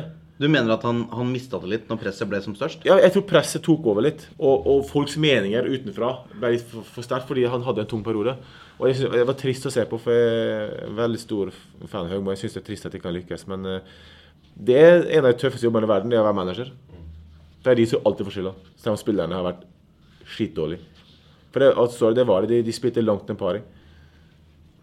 Ja, for det er jo Man kan jo noen ganger spørre seg om hvilken sånn passion eh, en del spillere som spiller med for Norge nå har. Og det, og det jeg sier, vi har ingen profiler. Vi har ingen profiler. Ingen som er litt annerledes. Ingen som står frem. Eh, alle er like. Eh, og, og, og, sånn går det ikke. Men de, de føler jo ikke sånn om seg sjæl, at jeg er helt lik som han andre. Jo, du ser i media, for det er ingen, det er ingen skriveri i media, jo. Ingenting. Og media hopper på sånt hvis det er noen som er litt annerledes og sier litt Så Litt sånn Joshua King så etter kampen. Sånne ting har vi aldri før kamp. Og det er, det er blitt for kjedelig. Og, jeg, og liksom du sier, den der passion Når jeg ser på landskamp Jeg, jeg elsker å komme på landskamp. jeg. Og jeg hadde dårlige kamper, jeg har mange dårlige kamper, men faen, jeg vet jeg løpte, jeg skapte entusiasme for publikum, gikk på offensive løp, så jeg fikk ballen, tullet med publikum, eh, takka litt for å få liksom, Altså, et eller annet var alltid der. Men nå ser jeg ikke det. Og det hva, Jo, han sa det Lagerbäck sa etter kampen. Det er hans rolle som trener at spillerne har rett holdning til kamp. Det er det faen ikke. Hvis ikke du klarer det som spiller sjøl Ja, Men han må jo si det. Altså, han kan Ja, men ikke legge ansvaret på ja. Ja, men ute ser det jævlig dumt ut. For det, det viser at spilleren ikke har rett holdning til kamp. Hvis ikke som landslagsspiller med flagg på brystet klarer å ha rett holdning til kamp, da får du bare komme deg hjem igjen. Altså, Bare ha flagg på brystet skal gi deg kick, jo. Altså, Jeg elsker å stå i tunnelene med drakta på. For, åh, nå er det kamp. Samme om det var mot uh, Færøyene eller hvem det var mot. Det trigga meg. Nå ser ikke du det. Bare, jeg tenkte sånn, I en kamp da, hvor det er da døvt tempo, og det, skjer ikke noe Smell noen, da. Ta en 50-50-takling, da. Et eller annet. Bare for å Eller skyt. Bare for å få litt publikum til å løfte, for det skjer noe. Det er ingenting. Og det, jeg, er, er sjokkert når jeg ser på landslaget. Det er kanskje det nærmeste vi kommer er Stefan eh, Johansen, som har litt, han har litt punch i Ja, han har punch, men han faller litt gjennom fordi det, det, synes ikke så godt, da. Fordi alle andre er liksom Det er fordi at han spiller på en måte som er litt annerledes. Hvis det hadde vært en sånn gjeng med bikkjer, så hadde det jo føltes litt annerledes. Og jeg, jeg mener at noen av spillerne vi har på, på laget, er ikke gode nok. Langt ifra gode nok. Men hvem er det som ikke er gode nok? Altså, Nå har jeg vært dårlig på hodet lenge, da. Men det er på, noen spillere som jeg ikke mener er gode nok. til å Hvem er det du skal plukke av? Nei, jeg, jeg Vær litt forsiktig der. Ja, men kom igjen, da! Nei, Jeg må jo få lov til å spørre om det. Men jeg føler bare at det, hender, det kan ikke vi ha bedre. Det vet jeg ikke. Men jeg syns ikke vi har prestert godt nok til å være på landslaget. Når jeg har spilt. Og jeg, nevnte Hovland sist gang. Og klart, det, det er ikke noe personlig mot han, men jeg mener at han er ikke god nok i de kampene jeg har sett da, i siste. Jeg føler at det er litt for usikkert, eh, for sløvt. eh, Og når det skjer mål imot, så er han alt, stort sett involvert i noe sånt. Og det, det, er- og jeg vil ikke gå på han personlig. Det er flere, men vi er bare ikke, de har ikke prestert godt nok. Kan godt hende de er gode nok, men da må vi se det. Hva tror du om eh, Lagerbäck er han? Hva tror du han kan få til? Jeg tror han er rett person eh, slik situasjonen er nå eh, rundt landslaget. Det syns jeg. jeg tror, Altså, det- Island er jo et mirakel. ja, han er rett person nå til å løfte laget til en, en, opp igjen fra gropa. Eh, og, men etter det vet jeg ikke. Eh, men eh, akkurat nå er han rett person. Jeg håper, jeg, jeg håper landslaget klarer seg å komme opp igjen og utvikle spillere og kjempe om å Nå blir det jo ny kvalik, da, for vi er ferdig nå, men uh, her. Men eh, jeg håper det. Men jeg ser bare ikke lyset. For jeg, vi har mange unge.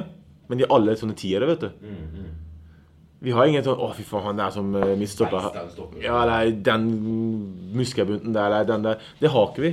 Nei, så vi har jo Joshua King har jo begynt å score i Premier League nå. Men han, han faller igjennom på landslaget, for han har ikke gode folk rundt seg. Nei, og det, det som jeg liksom har likt med King i det siste, er jo at han, han, han skårer noen fine mål, men han skårer også de enkle måla. Og det er sånn du vil ha en spiss som Ja. også klarer å få Å ja, han bare var der og pff. Men, så, Men, men det er lite situasjoner i feltet med norske laget. ja, men du ser sånn når min periode, så vi hadde Bredd Hangeland som stopper. Så det, det er så viktig med lag, du har et rød tråd da, i et lag. Og Hangeland var jo på sitt beste topp Premier League-klasse. Ja, ja. Han var jo holdt, han holdt jo på å vinne Uefa-cupen med Fulham, var captain, var aktuell for større Han klubber. var jo mest han var. Stable. Altså, Ja. Han var stabil hele tida. Presterte alltid på et høyt, godt nivå. Så liksom, du har liksom eh, Brede, så du med Sjø, så du Karev, ikke sant? Eh, Men dere kom jo heller ikke til! Det var nært, men Ja, men det hadde typer, da. Det var litt Ja! det det. nærmere. Mm, det var nærmere, ja. vi har vært nå det siste året. Ja, vi, altså, vi hadde jo typer, men- men det er ikke lett å komme til sluttspill. Nei, nei, selvfølgelig. Det er ikke lett. Det, det er mye tilfeller. Og, og internasjonal blir jevnere og jevnere. og jevnere. Du ser det de, de lagene som vi ikke har tenkt på for fem-ti år siden, er plutselig foran oss på Fifa-rankingen. Men vi er jo fans. Vi kommer jo til å kreve sluttspill. Det er jo Ja, men det, er så, det skal man. Ja. Fordi Norge er jo verdens beste land. også- men vi må tenke også at vi er et lite land. Vi kan ikke velge å vrake fra spillere som, som folk tror. Uh, men vi er veldig flinke til å heise opp landslaget og spillere. Men vi er ekstremt flinke til å trykke ned nå like fort. I, da tenker jeg på media, da. Uh, og sånn er det bare. Og min jobb nå som Jeg jobber jo litt med TV og sånn, kall det ekspertkommentator. og jeg syns det er kjipt å sitte og snakke eh, ned på spillere, eh, landslaget og sånne ting.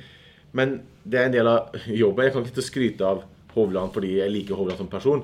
Jeg må se det som det fotballfaget, hva, hva seerne vil høre. Og de vil høre min mening. Eh, så jeg, jeg digger Hovland, fantastisk type. Og jeg digger alle gutter på landslaget. er sikkert flotte gutter og menn. Men jeg så må jo snakke fotballfaglig. Og det, da blir det litt kritikk, dessverre. Du jeg har også litt lyst til å snakke om eh, Du har jo alltid satt deg høye mål, sier du. Mm. eh, Og du har jo nådd dem. Og så har du snakket om at du har lyst til å bli trener, manager. Mm. Eh, Hvilke mål setter du deg der? Målet der er eh, selvfølgelig uh, høyt. Som alt annet. Nei, jeg har lyst til å bli manager i Premier League. Det er mitt store mål. Og landslagstrener. Ferdig snakka. Ja. er, Hvordan, hvordan går du fram for å Nei, Det er jo lang prosess, selvfølgelig. Uh, først bli ferdig med kurser, uh, som tar en stund. Og så ser jeg for meg Men i mellomtiden mens jeg tar de kursene, skal jeg jobbe på Liverpool Academy en uke her og der, bare for å få erfaring. Eh, se hvordan ting gjøres. Så håper jeg å bli en del av et norsk lag eh, på en eller annen måte. Få lære mer der. Eh, om det blir som en coach, assistenttrener, trener, manager etter hvert. Og da utvikle meg etter det. da. Eh, det som er litt bra for meg, er at jeg har allerede et navn som en hardtarbeidende spiller som da skal gjenspeile i, i, som manager. Men det er ikke den som man lykkes. Men det gjør veien litt lett der, da, med at jeg har opparbeidet et bra navn ute i Europa. Eh, så jeg håper at det kan hjelpe. Men først og fremst vil jeg gjøre en god nok jobb fram til det. da. Så jeg håper at jeg kan komme inn i et lag, helst Ålesund siden jeg bor der. Eh, etter hvert. Jeg og broren min har et skjult mål om at vi skal bli trener på Ålesund. Ja, dere skal ha det sammen? Ja, ja, ja. Og Bjørn Helge han spiller jo fremdeles. Han spiller han har to år eh, igjen, og han har jo tatt B-kurs også nå. Han er ekstremt flink på banen som trener, med øvelser og sånt. Så jeg, jeg, vi har lyst til å bli et team, da. Hvem blir hovedtrener? Du eller Bjørn Helge? Eh, Jeg er mer den manager-typen. Det er du som, det er du som, får, den, du som får det største skrivebordet. Ja, pluss at jeg er storebror. Men, eh, men, ja, men Helge er ekstremt flink på feltet. Han er ekstremt flink der. Han var jo kaptein da du var der. Han var din kaptein. Han var min kaptein, ja, men eh, alle visste at jeg var hans kaptein.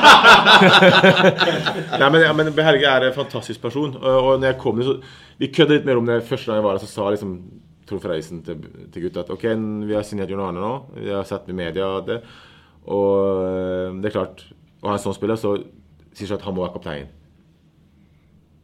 Og da satt jeg på siden av broren min på garderoba. Men Bjørn bare begynte, han begynte bare å le med en gang. Han, har skjønt skjønte at det kom. Så, eh, men eh, Nei, han er, han er en perfekt kaptein. Han er liksom, det er noen folk du bare vet er kapteiner, og Helge er en som står frem på banen og på trening og setter krav. Ja, vi nærmer oss slutten. Eh, før vi, rekker vi to spørsmål til før vi, før vi runder av? Uh, Jeg har lyst til å spørre, Du har spilt så mange steder og med så mange profiler. Hvem er den rareste eller morsomste fotballspilleren du har spilt med? Peter Crouch. Ja, Ja, men det er fordi, ja. ja, men det er fordi han er den mest Altså, han smiler og ler hele tida. Så er det med, noe med kroppen.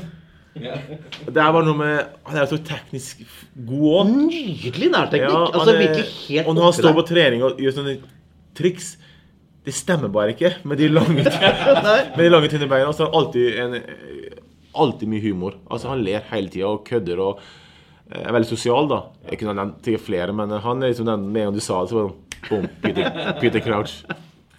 Og så skal jeg utfordre deg til eh, Vi har en sånn spalte som vi kaller for Fire norske fotballstjerners middag. Hvor, eh, hvor du skal invitere tre, eh, tre norske eh, fotballspillere. Fotballprofiler. Ja, fotballprofiler. Profiler. Profiler kan være trenere, kan være spillere. Hvem ville du invitert? Tre stykker. Og hva, hva skulle du laget?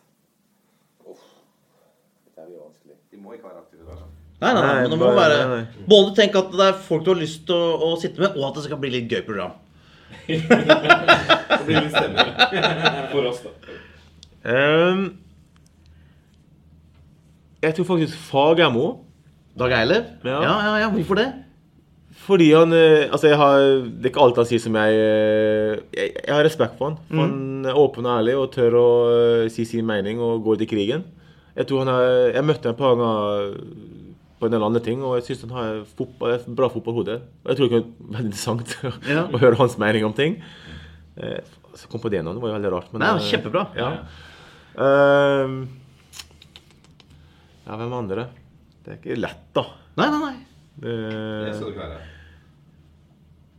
jeg har jo spilt med så mange, så de trenger liksom ikke invitere de jeg har spilt med. For blir, de kan, de kjenner jo så godt. Du kan jo, hvis, det, hvis det er en du syns er kjempemorsom og fin, som du kan ha med, kan du det skal jeg unne deg. Må være norsk, da. Ja, ja, ja. ja. Det er en norsk Nei, jeg tror uh, Steffen Iversen. Selvfølgelig. Da blir det gøy. Da blir det gøy. Når vi oppsummerer det programmet Det er veldig mange som har med Steffen på middag. Da er, det, da er det latter, og det er noe godt i glasset. Ja, det, var, det var han som fikk meg til å drikke første alkoholen min også. Så det, Er det det? Steffen, når lurte han deg utpå der? det var vel eh, 21 eller noe. Det er ikke sjokkerende å høre. nei, banna idiot, altså. Hvor, hvor var det? Det var etter en landskamp. Eh, han lurte meg med Eller jeg skulle prøve meg å sa at jeg liker ikke alkoholsmaken. Den dag i dag så liker jeg alkohol. Jeg har Aldri smakt øl og vin heller. Jeg, jeg må ha noe som ikke smaker alkohol. Og da ga jeg meg appelsinjuice og vodka, for da kjenner du bare appelsinsmaken. Jusen. Ja, du kjenner litt vodka. Men, det, nei, men problemet er at jeg fikk jo sånne små, sånne Ja. single, sånne veldig single. Ja, ja, ja. Men på slutten så var det doble. Oh. Og det gikk så bra. Hva skjedde? Hva skjedde? Nei, men det som var at han tok vare på meg. Han fikk meg, altså han holdt, passet på meg og fikk meg hjem igjen. Han har vært ute før, så det Ja, det, han kunne det der. Men uh, Så Steffen skulle vært med. Uh, altså. Steffen. hvem andre skulle jeg tatt med, da? Eh, jo, eh, så kunne jeg tenkt meg å tatt med Jeg håper å si Rekdal, men eh, Ronny Deila. Ronny Deila? Hvorfor Ronny? For han er han, jeg, jeg liker han veldig godt som Han har jo svikta Drammen.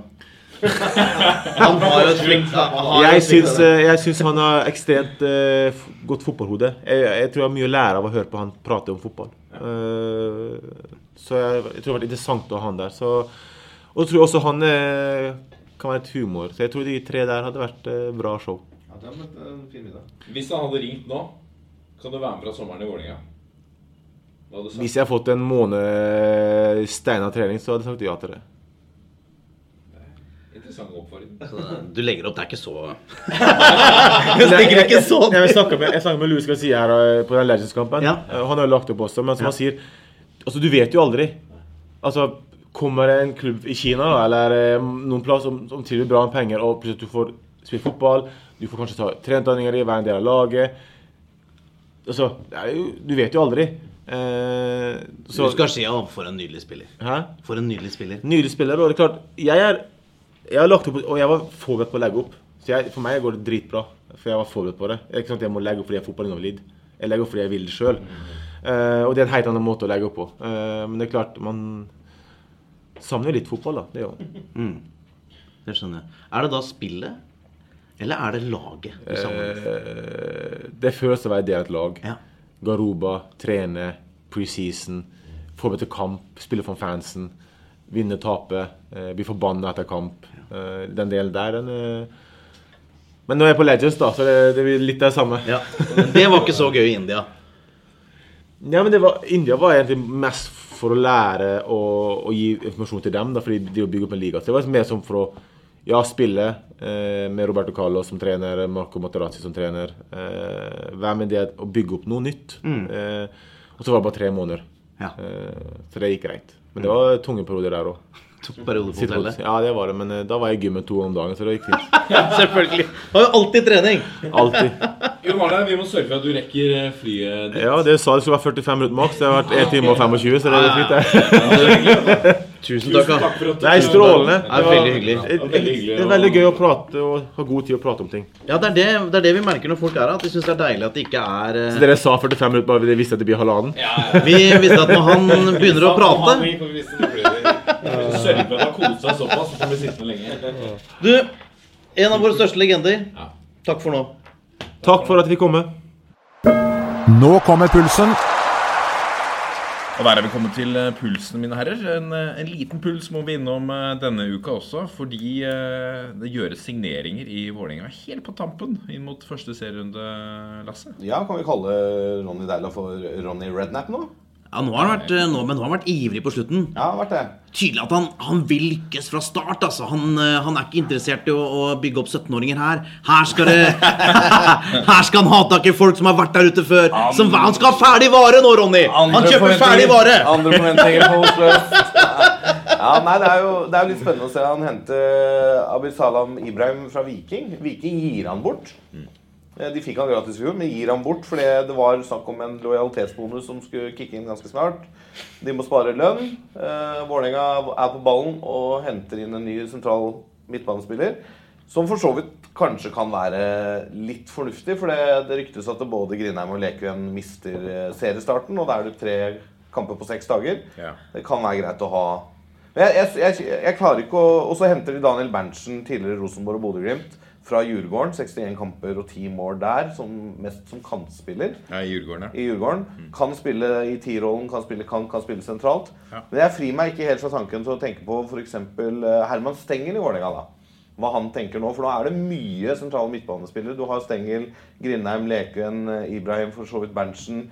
Eh, Giazid og Daniel Fjellenholm kan begge spille sentralt. Eh, du har en ung Unnskyld. Du, ja, du har én unggutt En unggutt, kan du si. i Felix Solen Myhre, eh, som er, stilles eh, høye forventninger til. Og så har du Ernest Agiri, som av mange i Vålerenga-miljøet er dette blir årets spiller når han er ferdig. Han er småskadd nå ute i fire uker.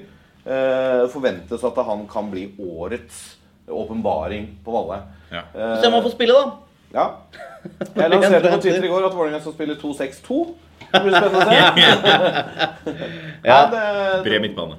Bred midtbane. Det ble mye Det ble et eh, pip åpent vindu på Valle siste dagen av overgangsvinduet. i. Det er i hvert fall åpenbart for meg at Viking er i dyp økonomisk krise når de gir fra seg en midtbanespiller som Ibrahim for å spare inn lønn. En spiller som jo de kunne solgt til sommeren ved gode prestasjoner nå på våren. Helt klart. Og de holdt jo på cellen i eh, vinter. Ja. Det var en eh, tysk klubb tror jeg, i andre Bundesliga som var interessert, men det falt gjennom på et eller annet. Det jeg tenker da, er at eh, han, eh, Abdi, som eh, vi kaller han i Drammen etter han var jo, han var jo sånn så, og spilte mye OK kamper òg. Eh, han holdt, han var jo så å si klar for godset før han gikk til Viking. Og så Det var veldig rart, for at han hadde han, Altså, avtalen var jo i boks. Eh, og så drar han til Viking fordi han fikk vel litt mer der. Og det var jo veldig rart at Viking hadde råd til det. Et lag i så dyp krise overrasker meg veldig. Pluss at jeg likte ikke at Abdi gjorde det, må jeg innrømme. Eh, så det var minus og minus der. Eh, ga ikke pluss. min, jo, det blir det. Nei, det kommer an på hvis det er minus foran, og så minus Ja, sånn. Ja, men så minus ett så- Ja, ja, ja. Men eh, Men til, til tross da for at han har vært med å løfte godset til seriegull for noen år siden, så er det litt uh, klein stemning uh, når navnet Abdi eh, blir nevnt i Drammen nå. jeg er, alltid, jeg er alltid opptatt av hvordan spillere forlater en klubb, og det var helt greit. Men, men hele den prosessen der likte jeg ikke. Eh, og da syns jeg også han, eh, i hvert fall på kort sikt, da, eh, ga bort litt sånn sportslig, potensiell sportslig framgang for eh, ekstra penger i Stavanger. For eh, Vikinglaget har jo vært i dyp krise. Um, Men apropos Vikinglaget som er i dyp økonomisk krise. De henta jo også en spiller i, i går. Det gjorde de. På lån Ja. fra Hødd. Robin Shoot, som er en spiss. Uh, han uh, sies at det ikke skal motta lønn. Han har sagt at nei, jeg, så lenge jeg får spille eliteserie og får kampbonus og seiersbonus, så skaff meg et sted å bo, så skal jeg spille for dere nå i denne utlånsperioden. For han har jo vært god i Hød, og så har han vært veldig sugen på å prøve seg på øverste nivå. Tror han har vært litt sur på Hød for at det ikke har, har gått og sånn. Så han, det er nå tydelig nå gjør han hva som helst for å vise at eh, jeg har i hvert fall øverste norske nivå inne. Han har jo murra hele vinter, så han ja. vil jo bort for enhver pris. Og nå er det jo last resort, sånn Det helt er på tampen. det var bokstavelig talt for enhver pris. Ja, ja, ja. Mm. Eh, Det blir spennende å se hva han får til i Eliteserien i et lag som er tippa litt lenger ned på tabellen enn de vanligvis havner. Ja. Viking er jo vært et sånn stabil femmer-sekser-lag de siste åra. I år tipper alle de nede i eh, rett over gjørma. For det er veldig vanskelig, det er jo, Men det er jo helt ny situasjon for Viking. Nå kan de på en eller annen måte endelig slå ordentlig nedenfra. Ingen har forventninger. De har en ung, umerittert trener. Eh, som kjenner klubben godt. Som kjenner klubben godt, selvfølgelig. Men de skal jo da nå De skal jo ha en fighting-sesong. Og det Vet du hva, det, det, tror jeg, det tror jeg de trenger. Oljeprisen er lav. Eh, Men og ja. Stavanger Oilers herjer i hockey, så de trenger fotballaget opp og så. Tenk deg at Stavanger Oilers er mer populær enn Viking. Ja, det er det. Det er trist for oss som er glad i fotball. Ja. Eh, Sogndal har signert en svensk etiopier fra den saudiarabiske klubben Nairan SC. I, bekrefter uh, Håvard Flo. Eh, jeg- forundres alltid over Ja, ok, der har de funnet en spiller i Saudi-Arabia som de skal nå hente inn. Mm. Det er noen agenter som gjør noe godt arbeid i, i bakgrunnen her. Jeg tipper at også Sogndal gjør bra arbeid. ass. Ja. Speidere og sånn. I Saudi-Arabia, Håvard. Ja, men, men jeg Altså Håvard Flo, Erik Bakke, Sogndal De er flinke. Eh, så det, det, det er jo ikke en spiller jeg kjenner til. Eh, men det er akkurat jeg tenker- Validata. Hæ? Svensk-etiopisk Ja. midtstopper. 30 år. Det er tydelig de skal ha en som skal gå inn og kunne være sjef der fra dag én. Høres, eh, høres ut som en bra signering. eh. Litt fordi det, det blir jo sånn Man må jo noen ganger uttale seg uten å vite så mye om spillerne. Fordi de kommer fra steder der man ikke eh, følger tett. Men akkurat som når, når eh, det er Håvard Flo og Erik Bakke som står bak, så får jeg litt tillit til det. Men Vi snakka jo litt om det med Kjetil Wæler. Eh, veldig mange lag i Eliteserien nå ser veldig bra ut offensivt, men er kanskje litt tynne defensivt. Og blir det litt skader og karantener, så blir det tynt. Eh, Vålerenga henta jo en Reger for to dager siden for å ha en ekstra forsvarsspiller. Jeg tror det kanskje er litt sånn tanken i Sogndal òg. Trenger en mann til når det begynner å knipe litt utover våren. Og Sogndal, de trenger defensiv trygghet. ja, altså, helt det er jo det baserer de eh, eliteserieoppholdet sitt på. Helt klart. helt klart. Lillestrøm har henta en ny Thomas Malek. Eh, Mikael Skoda. Ja, stemmer. Sånn sværing eh, med, med visstnok brukbar eh, fart. Eh, men da har de to fyrtårn oppå der. da. Skal de spille med begge, tror vi? Eller, så- eller blir det én fyrtårn og en liten kjapp en i bakrommet? Vanskelig å si. Eh, Hvis han, Det får vi se i morgen. hvis han går for to sværinger der oppe, da det kan, bli, det kan bli artig fotball. Eller det kan bli tydelig fotball. Apropos at vi sitter på Oslo lufthavn, da er det bare å melde inn til flygelederen at det her kommer det mye baller opp i høyden. Sterk overgang. Sterk overgang. Jeg har lyst til å ta med en eh, annen overgang. Det er, eh, og dette er et lag dere skal merke dere, mine herrer. Eh, Brattvåg eh, kommer til å surfe gjennom sin tredjedivisjonsavdeling. det brukes Aksel Berger Skjulsvik, var det det? Ja, han har gått dit nå fra Sandnes Ulf. Aksel Berge Skjølsvik går til Brattvåg. De har signa en haug av profiler. De lønner over en lav sko. Hvem er det som eh, gir dem penger? Eh, lokalt eh, Det er noe lokale Nei, en fyr, vet du. Ja, De må ja, ja. finne ut av hvem det er. Spyttes penger inn i Brattvåg. De skal opp, og de skal opp nå. Eh, og det ryktes om at de skal rett opp fra andredivisjon og opp i Obos også. Spennende. Så, Det må jo følge litt med på, da. Hvordan det går. Ja, det eh, Brattvåg det er Litt sånn kritikk mot det. er litt sånn, eh, de må jo, Når du først begynner å kjøpe, så må du jo fortsette å kjøpe da, når du kommer i andredivisjon. Ja. eh, du har ikke så mye lokalt fundament å bygge på. Men ja, Brattvåg. Berger Sjølsvik. Tenker som deg, Vålerenga skal ha ferdig vare. Ja. Dette er toppfotball. Og så sparkes det i gang i eh, dag. Vi spiller jo inn på en lørdag, og i dag så, så er det klart for eh, det første oppgjøret i årets eliteserie. Og hvilket oppgjør vi starter med? Kristiansund-Molde. Hvilket oppgjør må jeg si til dere som hører på podden seinere, bare spol kjapt forbi dette. Eh, men for dere som er kjapt på, så er det interessant, for det er jo litt av et lokale... Et hatoppgjør, vil jeg si vi starter med. Kristiansund-Molde. Ja, er, det hat? ja, eller er det hat-elsk? Altså, er det elsk-elsk? I hvert fall for kristiansunderne tror jeg det er hat, ja. Ja, ja, ja. Men det er litt sånn Og- Og et levende, sterkt hat. Men det er Vi har vært litt innom det. Dette er en kamp hvor Molde har alt å tape. De kommer dit som storebror, storfavoritter. Skal sannsynligvis prøve å utfordre Rosenborg. Eller i hvert fall komme litt nærmere Rosenborg i år i toppen av Eliteserien. Mot et nyopprykka Kristiansund. eh, som ikke er så høye forventninger til. Eh, dette kan eh, gå alle veier. Altså. Det er, det er veldig spennende, og også det elementet at det er jo Kristiansunds store sønn Ole Gunnar Solskjær som trener Molde. Det gjør bare duellen enda mer brennhet og, og emosjonell. Og Ole det som- Gunnar og uh, hovedtreneren i Kristiansund, som dere må hjelpe med navnet. Christian eh, Mikkelsen, Ja, er ikke det? de er jo veldig gode venner. Og Ole Olsen, hans assistent, Ja, har jo var jo trent, eh, treneren til Solskjær i Klausenengen. ja. Og det, dette er jo et eget element i den kampen. Nå legges vennskapet til side. Nå er det bare å kjempe med nebb og klør om å ta tre poeng. Og, og Kristiansund har jo en litt sånn uh, unik posisjon i, i årets tippeliga. I og med at uh, ja, Sandefjord kom også opp, men noen ganger så får man jo opp lag som ikke er, pleier å være på et nivå som får den derre startsentusiasmen. Endelig er vi der. Tenk deg hvilket liv det er i Kristiansund nå. Hvilke forventninger det er inn mot kampen. Og det er liksom full energi. De kommer til å gå gjennom veggen. Ja, ja. Dette er en, nesten en cupfinale. altså. Dette det er- dette er en cupfinale. for Kristiansund. Ja. Det, og de begynner i Eliteserien med det. Tenk deg den, den, den stemningen og den forventningen som er i byen der nå. Ja. I timene opp til kamp. Altså, jeg kan bare tenke på hvordan fotballsupportere rundt i landet har det nå. Jeg kjenner masse på det selv òg. Nå er det snart seriestart. Og jeg gleder meg til å sette meg ned og følge med på disse norske og utenlandske spillerne i Eliteserien. Men jeg tror liksom hvis jeg hadde vært En ting er å være, være Molde-spiller, så dette blir en fest for lokalmiljøet. Så du gleder deg uansett, for det blir et, et trøkk. Men som Molde-supporter så vil jeg tenke liksom at Faen, det, er, Det er det kan bli en skrell. Men de har jo Molde har jo mye klasse, da. Offensivt. Meget høy klasse. Så på en normal dag så skal jo klassen slå entusiasmen. Men eh, ja, det, den er vanskelig å tippe. Ja. Men det, det, er jo, det kommer jo uh, til å være gjennomgangsmelodien her i dag.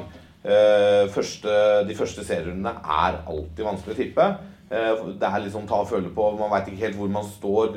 Kanskje hatt litt forskjellig oppkjøring. Folk har lagt opp løpet litt annerledes inn mot seriestart. Eh, der kommer mye kamper tett nå med en gang. Tre kamper på en uke.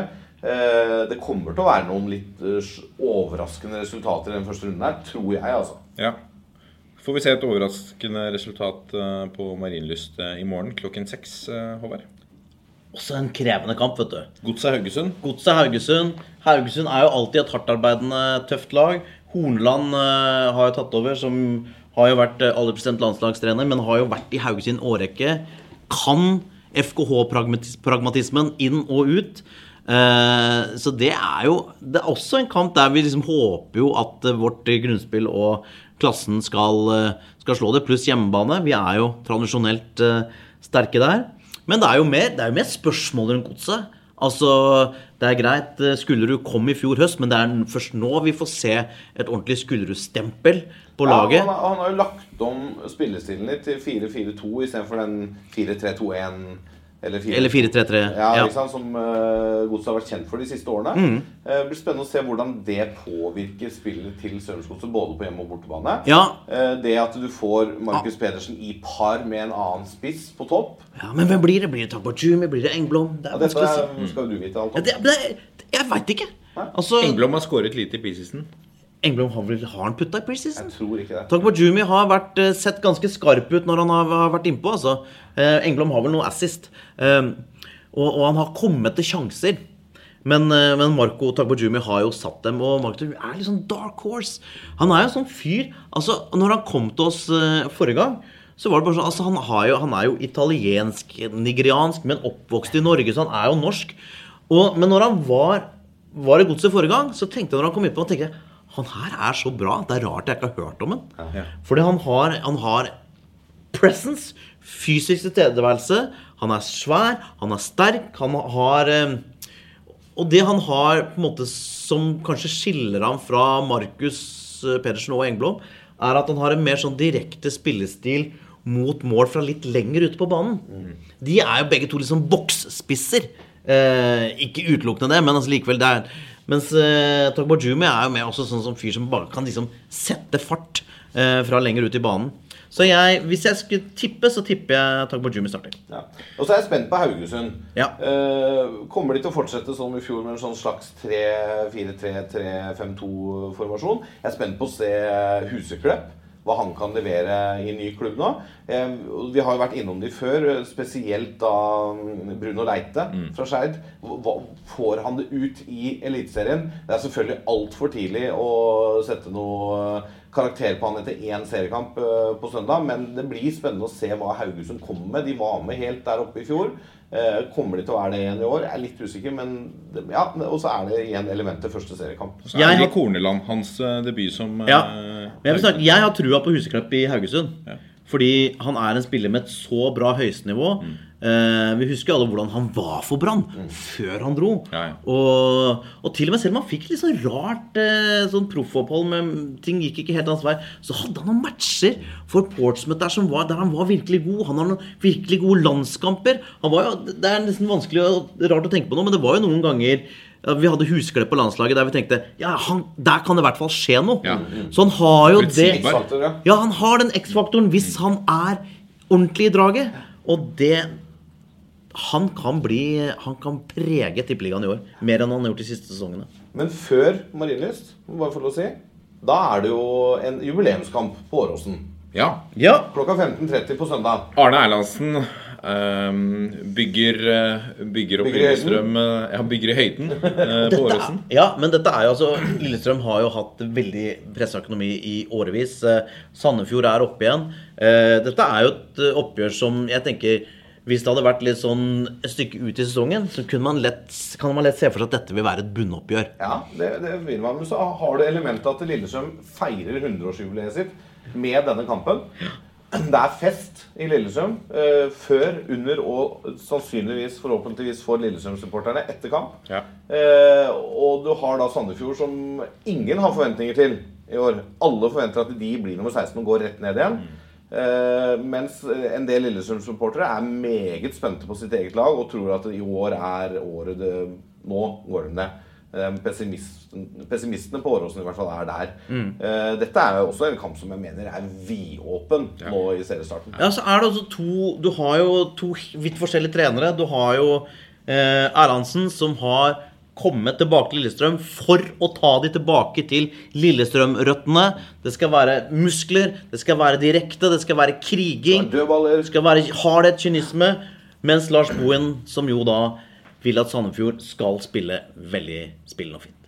De har jo mistet et par uh, viktige spillere offensivt, som var mye av beholdningen for dem i fjor, men som kanskje ikke passer like godt inn i Arne Erlandsens måte å, å spille på. Mohammed Ofkir er en av de, som jeg alltid har hatt veldig sansen for på Lillestrøm. Eh, så har de henta inn uh, De mista Håkon Skogseid til Stabæk, men henta inn Mats Håkenstad, som vel går rett fra andredivisjon og rett inn på laget i, i Eliteserien. Akkurat Håkon Skogseid, altså. Det er et tap.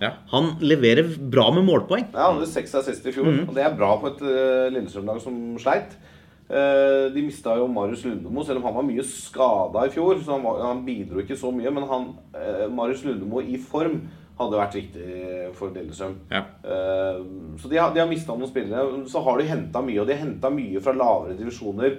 Eh, Fra Obos og andredivisjon. Som blir spennende å se om de klarer å ta steget til eliteserienivå. Mm. Eller om de er henta fordi at de har Altså, Han er god til å kaste langt på innkast, han har den spissferdigheten. Og, og da når Erlandsen setter dette sammen til elleve spillere, så er det det han trenger for å få ut sin type fotball å spille for. Lillestrøm-fotballen.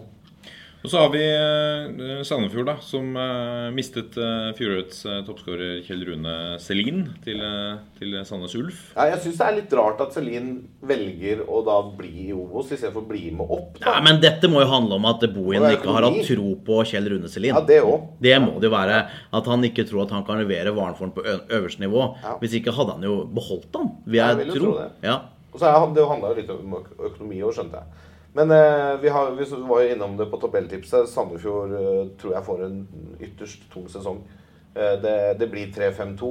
Det- Bohin viker ikke fra det. Eh, de har- Funker for Juventus. Ja da. de- har fått en eh, fin dødballfot. i Joakim Olsen Solberg. Ja. Bra dødballfot, Ja. som kommer til å lage litt eh, trøbbel for eh, motstandere. Flammen Kastrati. Ja, Flammen Kastrati, som er eh, litt sånn X-faktor nå. Men jeg tror ikke dødballfoten til eh, Joakim Olsen Solberg nødvendigvis skaper så mye trøbbel for Lillestrøm, for de kommer til å være solide i egen boks. Eh, Så, så det hentet, Vi var inne på det i forrige episode. Jeg henta Markus Naglestad fordi jeg savna en spiss. Så er det litt gutsy kanskje å hente inn en spiss som har ja, overprestert i annendivisjon. Uh, Få fram Larvik. 26 mål på 28 kamper eller noe sånt nå i, ja, i 26 fjor. på 26, faktisk. Ja. Eh, vanvittig sterkt. Men uh, Eliteserien er tross alt et annet nivå. Et helt annet nivå. Uh, selv om i år kanskje det blir tettere mellom andre. Så har du Kovac i bakhånd, da. Ja, du har, Du har alltid Peter Peder Kovac i bakhånd. Men hvor- gammel er han Alex? Vet du det? 23 Tre, ja, ja. Kan være fem, 25. Late bloomer. Ja. Ja, kan hende. Det blir spennende å se. blir spennende. Thomas Kinn Bendiksen. Ja, det er jo en- Det er instrumentelt og solid og Altså Er han på det nivået han var i Tromsø, så kommer han til å være en stor forsterkning for, eh, for Sandefjord. Så har vi Videre. Sarpsborg 08. eh, Et lag som eh, alltid overrasker meg positivt. Men nå må vi på en måte eh, begynne å snakke om at vi kan regne med de i, i toppen. Ja, I år er det forventninger til Sarpsborg. Og første gang. For første gang. Og i, dette er jo egentlig sånn før vi starter sesongen en eh, kamp jeg tenker eh, sånn topp 4-5 mot eh, bunn 4-5 som møtes. Det er Sarpsborg 08 mot Sogndal Ja. eh, i, i Østfold. Eh, her er, bør Sarpsborg vinne ganske greit hvis eh, forventningene til det laget skal, eh, skal gå i, gå i hop. For Sogndal også er tippet lenger ned på tabellen, eh, Håvard. Eirik Bakke. Sogndal blir jo og- ofte tippa veldig langt. De, de blir jo tippa langt ned. Og, Men er det fordi vi ikke Men det er så det, Vet vi ikke helt hva som foregår? Er det derfor? Det er jo så langt dit! Ja. Ja, men det, det, Det er vanskelig. det- det- Men jeg syns alltid det er vanskelig å snakke om klubber som Sogndal, fordi at de holder på på en helt annen kant av landet. Jeg har ikke tid og ressurser til å fly dit og se hva som foregår. Sånn er det bare. Jeg må Ja. holde på med mitt. Så det, så det Hvis er vi får alltid Widerøe som sponsor, så kanskje kan begynne Ja. å fly til det. så ja, ja, men jeg tenker at det, for det, Men det er liksom det gøye for meg med tippeliga nå. At du, du sånn, Eliteserien. Herregud. Eliteserien. Det er, det er Det kommer, det. men, men, men det er også det gøye med Eliteserien. Ja. Er at du, du veit ikke helt hvor Sogndal står. Nei, og, og lag som Sogndal får lov å jobbe litt i det skjulte, i det stille. Det er ikke så mye medieomtale i, i preseason rundt de. De får lov å holde på litt for seg sjøl, og da kan de overraske. Eh, og så er det litt den at de slår unnenfra. Det er ingen som tror på oss. Nå skal vi faen meg vise dem. God trener. Ja, veldig. Meget Ja, og kontinuitet her med Thomas Berntsen som sportssjef. Det jobbes godt Jobbes- og nøye. Ja, I Sarpsborg, ja. Ja, Vi har vært inne på det før. De... Hæ? Vi, vi snakka om Sogndal, men uh, Sarpsborg God trener i Sogndal. Oh, ja. ja. Det er vi absolutt. Ja. Jeg er rett over på Sarpsborg. Ja, ja, men det, det er lov, det. For de har også, de har også et eh, bra sportsapparat med trener og sportssjef. Det kan vi være enig i. Ja, og speider. Ja. Mm. Men eh, kort om Sarpsborg. Krependiata. Krepen Diata. Ja, min eh, store kjærlighet før jeg har sett han eh, spille. Eh, jeg Du har litt lest deg til kjærlighet på Krependiata. Det liker jeg. Du har lest i media Jeg har lest og blitt forelska. Det er helt nydelig. Store fotball. forventninger. Ja. Eh, legger huet mitt på blokka der. Han kommer til å bli en suksess. Og så har du han eh, Erkan. Eller hva han heter. Han de henta nå som Wæler hadde spilt mot han med tre landskamper for Sverige. Han Erton? Erton, Erton! Erton han. Ja. Feisulahu. Det blir spennende å se hva han kan levere. Han har jo levert i, eh, i Allsvenskan før. Ja. Og har tre landskamper for Sverige. Du er en ganske god fotballspiller i utgangspunktet hvis du får spille for det svenske landslaget. Såpass ærlig må vi være. Ja, men det er også noen spillere som har vært innom norske landslaget som jeg ikke alltid har tenkt er kjempegode. Det er jeg helt enig. Men nå, det, Jeg, nå snakker jeg om det jeg svenske. kan ikke nevne navn. Nei. Jeg kan ikke nevne navn! Nei, vi må ikke det. Vi har uh, sendt av gårde Steffen Ernemann til Viking. Det syns jeg er et tap for dem. Jeg er helt enig. Mm. Men de har så mye gode spillere nå, og de, de spiller jo litt sånn at de, de har egentlig to nesten like elvere Mm. i Sarpsborg. Eh, han, Ernemann tenkte sikkert at han har lyst til å spille mer enn å være på banen annenhver kamp. Ja, og så tror jeg sånn at eh, i Erdemann er jo en voksenfotballspiller. Uh, han, det er muligens siste sesong, ikke sant? Eh, kanskje nest siste. Og Viking trenger jo Erdemann. Stabæk trenger ikke Erdemann på samme Sarpsborg. Mm. Sarpsborg, ja. På Nadderud skal Stabæk ta imot Ålesund søndag klokken seks. Nå, etter eh, alt å dømme fra, fra intervjuet vi hadde med Morten Skjønsberg eh, i, eh, før sesongstart, så sa jo han at eh, vi, vi henter inn en haug med spillere på prøvespill, og så ser vi hva vi sitter igjen med når vi begynner. Og nå sitter vi igjen med det vi har. Jeg henta inn eh, Raymond Giassi. eh, Broren? Blant annet. Ja. Til Broren til, i Ernest. Ja. Oh, nei, ja, unnskyld. Til han eh, som var veldig god i eh, fjor høst. Ja, Eh, selvfølgelig. han offensive nederlenderen der. Ja. Så de møtes jo da i første kamp. Det gjør de. Brødreduell på Nadderud. Ja. Så har de jo solgt Birger Meling. eh, det er svekkelse. Ja, men hentet inn Håkon Skog Skogseid, som vi var innom. Um, Tony Brochmann. eh, Det er spennende. Ja, ble kjent for det Eh, norske fotballpublikummet. Ja, og så er det liksom Nå får, får vi se om Tony Brochmann er en spiller for det øverste nivået i Norge. Han var jo ikke det forrige gang han var Han var vel oppe en liten tur tidligere. Mm. Da var han jo ikke det. Eh, og så sies det jo at OI har vært on fire i vinter. Skåra mye mål og virker å virkelig være i eh, dytten. Det er du helt avhengig av at han eh, leverer. For det, det han har vist så langt, det er jo ikke vært sånn eliteserie-toppnivå. Men han redda plassen. Han redda plassen. Eh, Så det, men dette er jo egentlig kanskje også i utgangspunktet en bunnkamp i Eliteserien eh, 2017. Stabæk-Ålesund. I hvert fall eh, mange har spådd de lagene litt lenger ned på tabellen. Men jeg har litt trua på Ålesund i år pga. den sterke høsten de hadde i fjor. Mm. Jeg tror Ålesund eh, kommer til å overraske mange i år. Jeg tror at han Wormgård til Brann. Det tror jeg Ja, det er en svekkelse, Ja. det er ikke noe tvil om. Men eh, Ja, ja. eh, klart. det er et lag som jo- kommer inn med selvtillit da, fra Ja. fjoråret. Så har de hentet Valmir Berisha, som jeg hørte Joakim Jonsson slaktet signeringen. Altså Det var den øh, største feil Altså Noe av det verste han har sett. Han var ganske Og det var før han spilte et at det- sekund fotball for Ålesund. Så sa han du? det. Han Ja. sa det med en gang. Altså før. Ja. Jeg snakka litt med Trond, dette har vi vært inne på, men eh, både Fredriksen og, og Bjørn Helge Riise hadde jo tro på at eh, når han eh, finner roa litt, Valmir Berisha, så han må få ro rundt seg. Eh, dette er jo en litt som Jon Arne, som ble proff tidlig. Eh, I Roma og, osv., så videre, men ikke åpenbart gikk helt motsatt vei av Jon Arne. Han Mhm. eh, klarte ikke å levere. Nei. Og så komme litt tilbake til ordna former. Er Stille og rolig i Ålesund. Eh, så, så har de stor tro på at dette skal vi pusse, pusse støv av. Og så har jo Frank Bolli gått fra Ålesund til Stabæk. Men han er jo ikke klar for til sommeren, for han er kneskadd. Ja. Videre Tromsø Brann. Vi skal opp i snøskavlene i Tromsø. Der ligger det en meter snø rundt Alfheim. Det er ikke favorittarenaen å starte serien på, tror jeg. Ja, og der er jo Brann uh, heldige. da. De, de spiller jo som regel alltid i Tromsø. Enten veldig veldig tidlig i sesongen eller ute i november. Så de kommer alltid til masse snø og kulde og triste forhold. Men det er kunstgress. Det Det er vel undervarme, vil jeg tro. Ja, vil tro det. De har Måkan. eh, eh, Så bildet av bortetribunen her. Der lå det en halvmeter snø på, eh, på benkene. Så det blir vel Måka det òg før søndag. Eh, Men det her er jo Altså, igjen mener jeg at dette er en helt, helt åpen kamp. Da. Og så er det jo, det er jo spennende med Brann, da, vil jeg si. Hele det Lars Arne Nilsen sesong to-prosjekt. Ja. de var jo overpresterte i fjor i forhold til forventninger. Men de hadde jo også et ganske bra mannskap. Det var bare det at de hadde gjort det så dårlig. Eh, så man liksom glemte eh, at det var en del eh, At det var en del klassespillere der. Og hva har de henta? De har jo henta Vito Wormgård, men da har jo også Demidov eh, forsvunnet, da. Jeg tror ikke det er noe svekkelse. Men han er usikker til den kampen her. Hvor, hvor, hvor usikker er han? Ja, han spilte jo ikke den Unicef-mesterfinalen på onsdag. Men det er jo igjen at eh, Brann spilte den kampen, en betydningsfull kamp på onsdag. De er i gang med sesongen. De har hatt sin første offisielle kamp. Det kan være så positivt ut. Det har verdi, tror jeg, for Brann.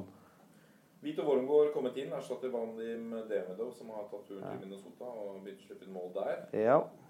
Eh, Det virker som en, en, en sterk eh, stopper. Vært, er vel bergensernes kaptein. Vært kaptein i preseason. Ja, han er- det. De har henta en ny høyrebekk eh, som jeg ikke kommer på navnet på nå, men han har jo da danka ut Amin Nori, som eh, er på utgående kontrakt og ikke vil signere ny med Brann. Så de, det er en del bergensere som er litt sånn De vil at Amin Nori skal spille. Eh, men det virker som han ikke får spille pga. kontraktsituasjonen. Men de mener at det svekker laget at han ikke er på banen. Ja. Kom inn mot Rosenborg og var Ja, han gjorde det. Kom inn mot Rosenborg nå eh, på onsdag og, og var et eh, friskt pust eh, da han kom på banen, selv om uh, Rosenborg skåra på slutten her. Han var, var i hvert fall litt framover i banen og lagde litt grann, eh, kaos. Offensiv backtype Amin, eh, som jeg godt kunne tenke meg tilbake til Vålerenga. Hva kan vi si om Tromsø da? Hva De får Tom Høgli eh, fra sommeren, men, eh, men eh, før det de eh, De, har jo ikke gjort så mye i vinter, egentlig. De har, de har mista et par spillere som eh, knapt spilte. Gjesdal og Jonsgaard. Eh, og så har de mista Sofien Mossa, som eh, er en sånn eh, murbrekker på topp der. Så har du henta de to eh, fra senegaleserne som det stilles forventninger til. Det er spennende, men det er klart det er tidlig ennå, da. Eh, å komme At de skal prestere maks kamp 1 blir spennende å se. Men eh, de har, altså jeg syns ikke Tromsø har gjort så mye med stallen sin. Så det er, det er litt av det samme laget du, du så i fjor. Gams Pedersen sies å være ganske i, bra drag og er jo en viktig, fin type. Det blir gøy å se om Gamsten får eh, ordentlig med spilling i Tippeligaen ja. og leverer. Ja. Så jeg tror, eh, jeg tror ikke du skal altså det, blir, det er alltid tøft å komme til Alfheim. Uansett. Og så skal vi til gigantoppgjøret. Altså eh, rundens virkelige storkamp, selv om det er, det er mye spennende oppgjør her. Eh, Trondheim, Lerkendal, Rosenborg mot Odd. Ja, Håvard. Det det er jo litt av et oppgjør. Og, og Rosenborg selvfølgelig kommer inn i sesong som konger av norsk fotball. Eh, vinner alt. Eh, mens Fagermo er jo da den store kontinuitetsbæreren eh, i Skien, som gjør det bedre og bedre, men aldri vinner titler. Eh, og nå er det altså clinch i første runde. Tipper at det er ganske bra for Odd å få Rosenborg tidlig. Eh, Det tenker jeg kan, kan være bra. De møttes jo første serierunde i fjor òg, Ja. i Skien. Da vant Odd. Odd vant jo begge kampene mot Rosenborg i fjor. Mm. Det tror jeg plager trønderne. Ja. Men, de har jo, men trønderne har jo styrka seg. Ja, det jeg synes, vil jo si det. Ja, Jevtovic uh, skåra mot, uh, Brann. Uh, Henta fra, fra Bodø-Glimt. Uh, uh, Jakob Rasmussen på, på stoppeplass. Uh, vi har Marius Lundemo. Altså det, det er uh, De har dobbel dekning. De har dobbel dekning på alle plasser. Meling er ute nå. Ja, Meling er Eh, ute. Men Vegard Eggen Hedenstad det er jo en uh, direkte erstatter på Jonas Svensson. Og er en fantastisk uh, høyrebecks-type. Som kommer til å produsere målpoeng, han òg. Helland eh, og Bentner spilte vel begge en halvtime i Bergen. Ja. eh, og er liksom på gang. Bentner hadde nest Helland starter jo i hvert fall. Tror vi at Bentner starter? Ja, det blir vanskelig. Jeg er ikke helt sikker på hva Nei, det er vanskelig å si, altså. Det er, det er, vi var inne på det er tre kamper nå på en uke. Han kommer til å starte en eller to av de Ja, ja, kampene. Om han starter den første, får vi jo, vil jo tiden vise. Men han hadde i hvert fall et målpoeng nå mot Brann. Eh, en fin assist til Reginussen der. Ja. han er på gang, og han eh, kommer til å bli fora. Han kommer til å, han kommer til å bøtte kasser eh, der oppe. Altså, hvis Bentner kommer i draget oppe i Trondheim, da kan ingen slå dem, tror jeg. Jeg er helt enig. Men den kampen her er ganske åpen, syns jeg, Rosenborg-Odd. Eh, Men jeg tror fordel Rosenborg en de, som med Brann, de har hatt en tellende kamp. Eh, To, de tapte to ganger mot Odd i fjor. De er revansjesugne. Det liker ikke Rosenborg. Å tape mot eh, Odd to ganger på en sesong. De har lyst å flå Odd eh, i enkeltkamp òg nå. Og da jeg henta Torbjørn Agdestein, som ble jo klar eh, i eh, fjor sommer eh, Som jo stoppa skåret etter at han ble klar. Ja, han leverte jo fantastisk for FKH. Ja. Eh, det er vel liksom det, en av de Jeg har ikke så stor oversikt over hvilke andre store signeringer de har gjort. Pappa til Diouf har Pappa blitt, Ted Diouf, eh, selvfølgelig, fra, fra Molde. Blitt gjort permanent, da. Han Ja. var jo lånt ut. Ellers så sverger jo Fagermo til det lokale. Ja, Og sånn som eh, Oliver Ocean og Pappa Pappa Det er jo en liten Eh, kamp i, i kampen dette her også, mellom Ingebrigtsen og Fagermo. det er jo to som liker å melde litt. Det er det. Liker det. Det er bra, det-. Få litt fyring, få litt temperatur nå. Det er helt nydelig. Jeg ser jo de har begynt å dra opp uh, Skullerud, Fagermo uh, Konflikten, ja. konflikten Ja, ja, så deilig er- å se igjen. Ja, det er, det er fint. Og så Ja. var vi inne med Jon Arne på Kauta Helland. Eh, Jeg liker at det meldes litt. Jeg liker at folk tør å sette fram haka og, og by på seg sjøl og si eh, ting som er, har litt fallhøyde. Ja. Jeg liker at det blir temperatur. At det blir engasjement rundt Eliteserien og norsk fotball. Det er jo det er derfor vi sitter her, er det ikke det? Jo. Fordi vi vil ha det. Det trenger vi, og det elsker vi. Og så har vi siste matchen på mandag. Vålerenga-Viking. Der uh, må du begrense deg, Lasse. Jeg Ja. vet at du har mye å melde her. Nei, men jeg, jeg kan, uh, Vi var så vidt innom det da vi snakket om overgangen til Vålerenga. Vålerenga Ja. mangler et par sentrale midtbanespillere. Ja. Uh, mangler det Daniel Fredheim Holm Ja. også. Eh, men dette er en sånn klassisk Daniel Fredheim Holm er jo ikke en naturlig start for Vålerenga, er han det? Ja, Nå med Keita på plass, så tror jeg ikke det. Nei? På Ja, for Keita går rett inn i laget. Ja, Om han starter mot Viking, vet jeg ikke. Han har ikke spilt uh, noen treningskamper ennå. Bare trent en uke. Uh, og var jo ikke klar for å spille kampen mot Kongsvinger eh, i generalprøven. Men det her er sånn Vålerenga og Viking møtes veldig ofte i starten eller slutten av sesongen. Ja. Eh, og det har i senere tid vært litt sånn Viking har godt tak på Vålerenga på Ullevål. Vålerenga vinner i Stavanger. Eh, Men det er jo nye tider. Altså, det er nye tider, men det er, for- altså, ja, Deila hadde tre kamper i fjor, to seire og en uavgjort, hvor han leda laget for Vålerenga. Men allikevel, det er liksom starten på noe nytt. Eh, og det er seriestarten. Det er Viking eh, som er ordentlig underdog på papiret i den kampen her. altså Viking har jo akkurat sendt en midtbanespiller til Vålerenga fordi de ikke kan betale Som lønna hans. sannsynligvis ikke spiller. Ja, Men, men eh, Spiller ikke. Ibrahim. Nei, det sies det at han ikke, kan, ikke skal spille. Om det er en På grunn av avtale mellom de? Eller, eh, ja, det kan godt hende at det er en gentleman's agreement. Jeg håper de bryter om at han spiller. Ja, det har vært veldig gøy om de spilte ja. med Ibrahim. Men uh, Daniel Berntsen får han sin debut mot uh, Ja, jeg tror han kommer på banen i hvert fall. Ja. Men han er jo Altså, Gia Saeed, Moa, Bård Finne er alle klare. Han spiller jo i Saeed Finne-rollen. Eh, Det blir spennende å se hva de velger på høyrekanten, om det blir Juklerød eller Keita. Det blir spennende å se hva Vålerenga gjør på venstrebekk, om det blir Juklerød eller Lindqvist, eller eventuelt Nesberg. Jeg tror stoppeparet blir Tolles Nation og, um, og Nakkim, og at Lundstrøm spiller høyrebekk.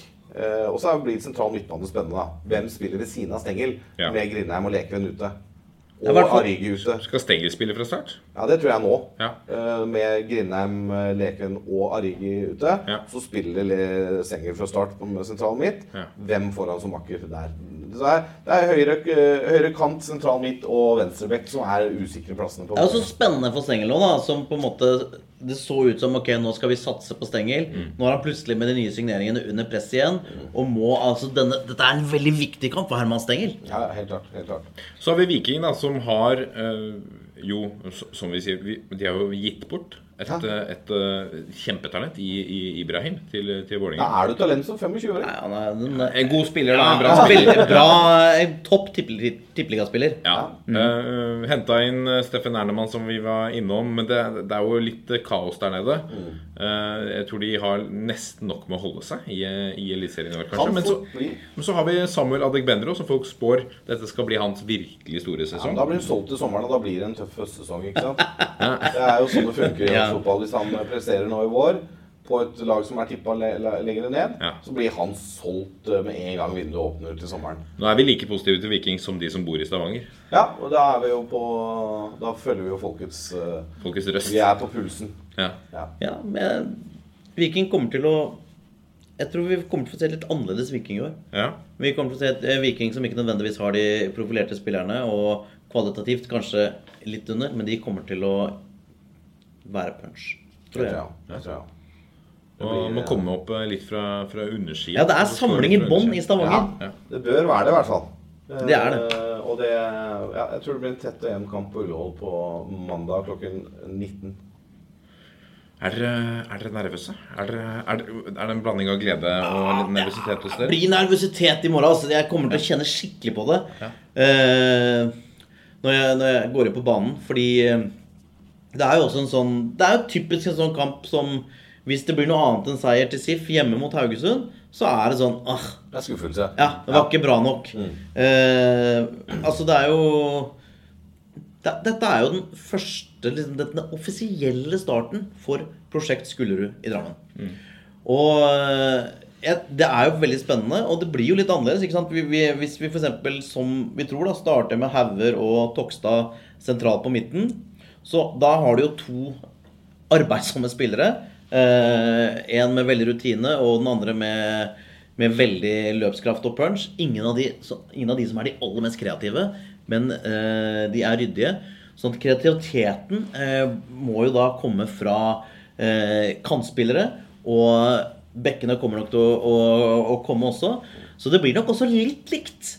At, eh, for det har jo vært mye som har vært skapt fra, si, fra, fra kant og bekk, eh, så det kommer vi nok eh, fremdeles til å se. Men noe annerledes blir det. Det blir to spisser, og ja, jeg, jeg gleder meg, altså. Jeg, jeg, tror, jeg tror midtstopperne til Haugesund skal få, skal få jobbe.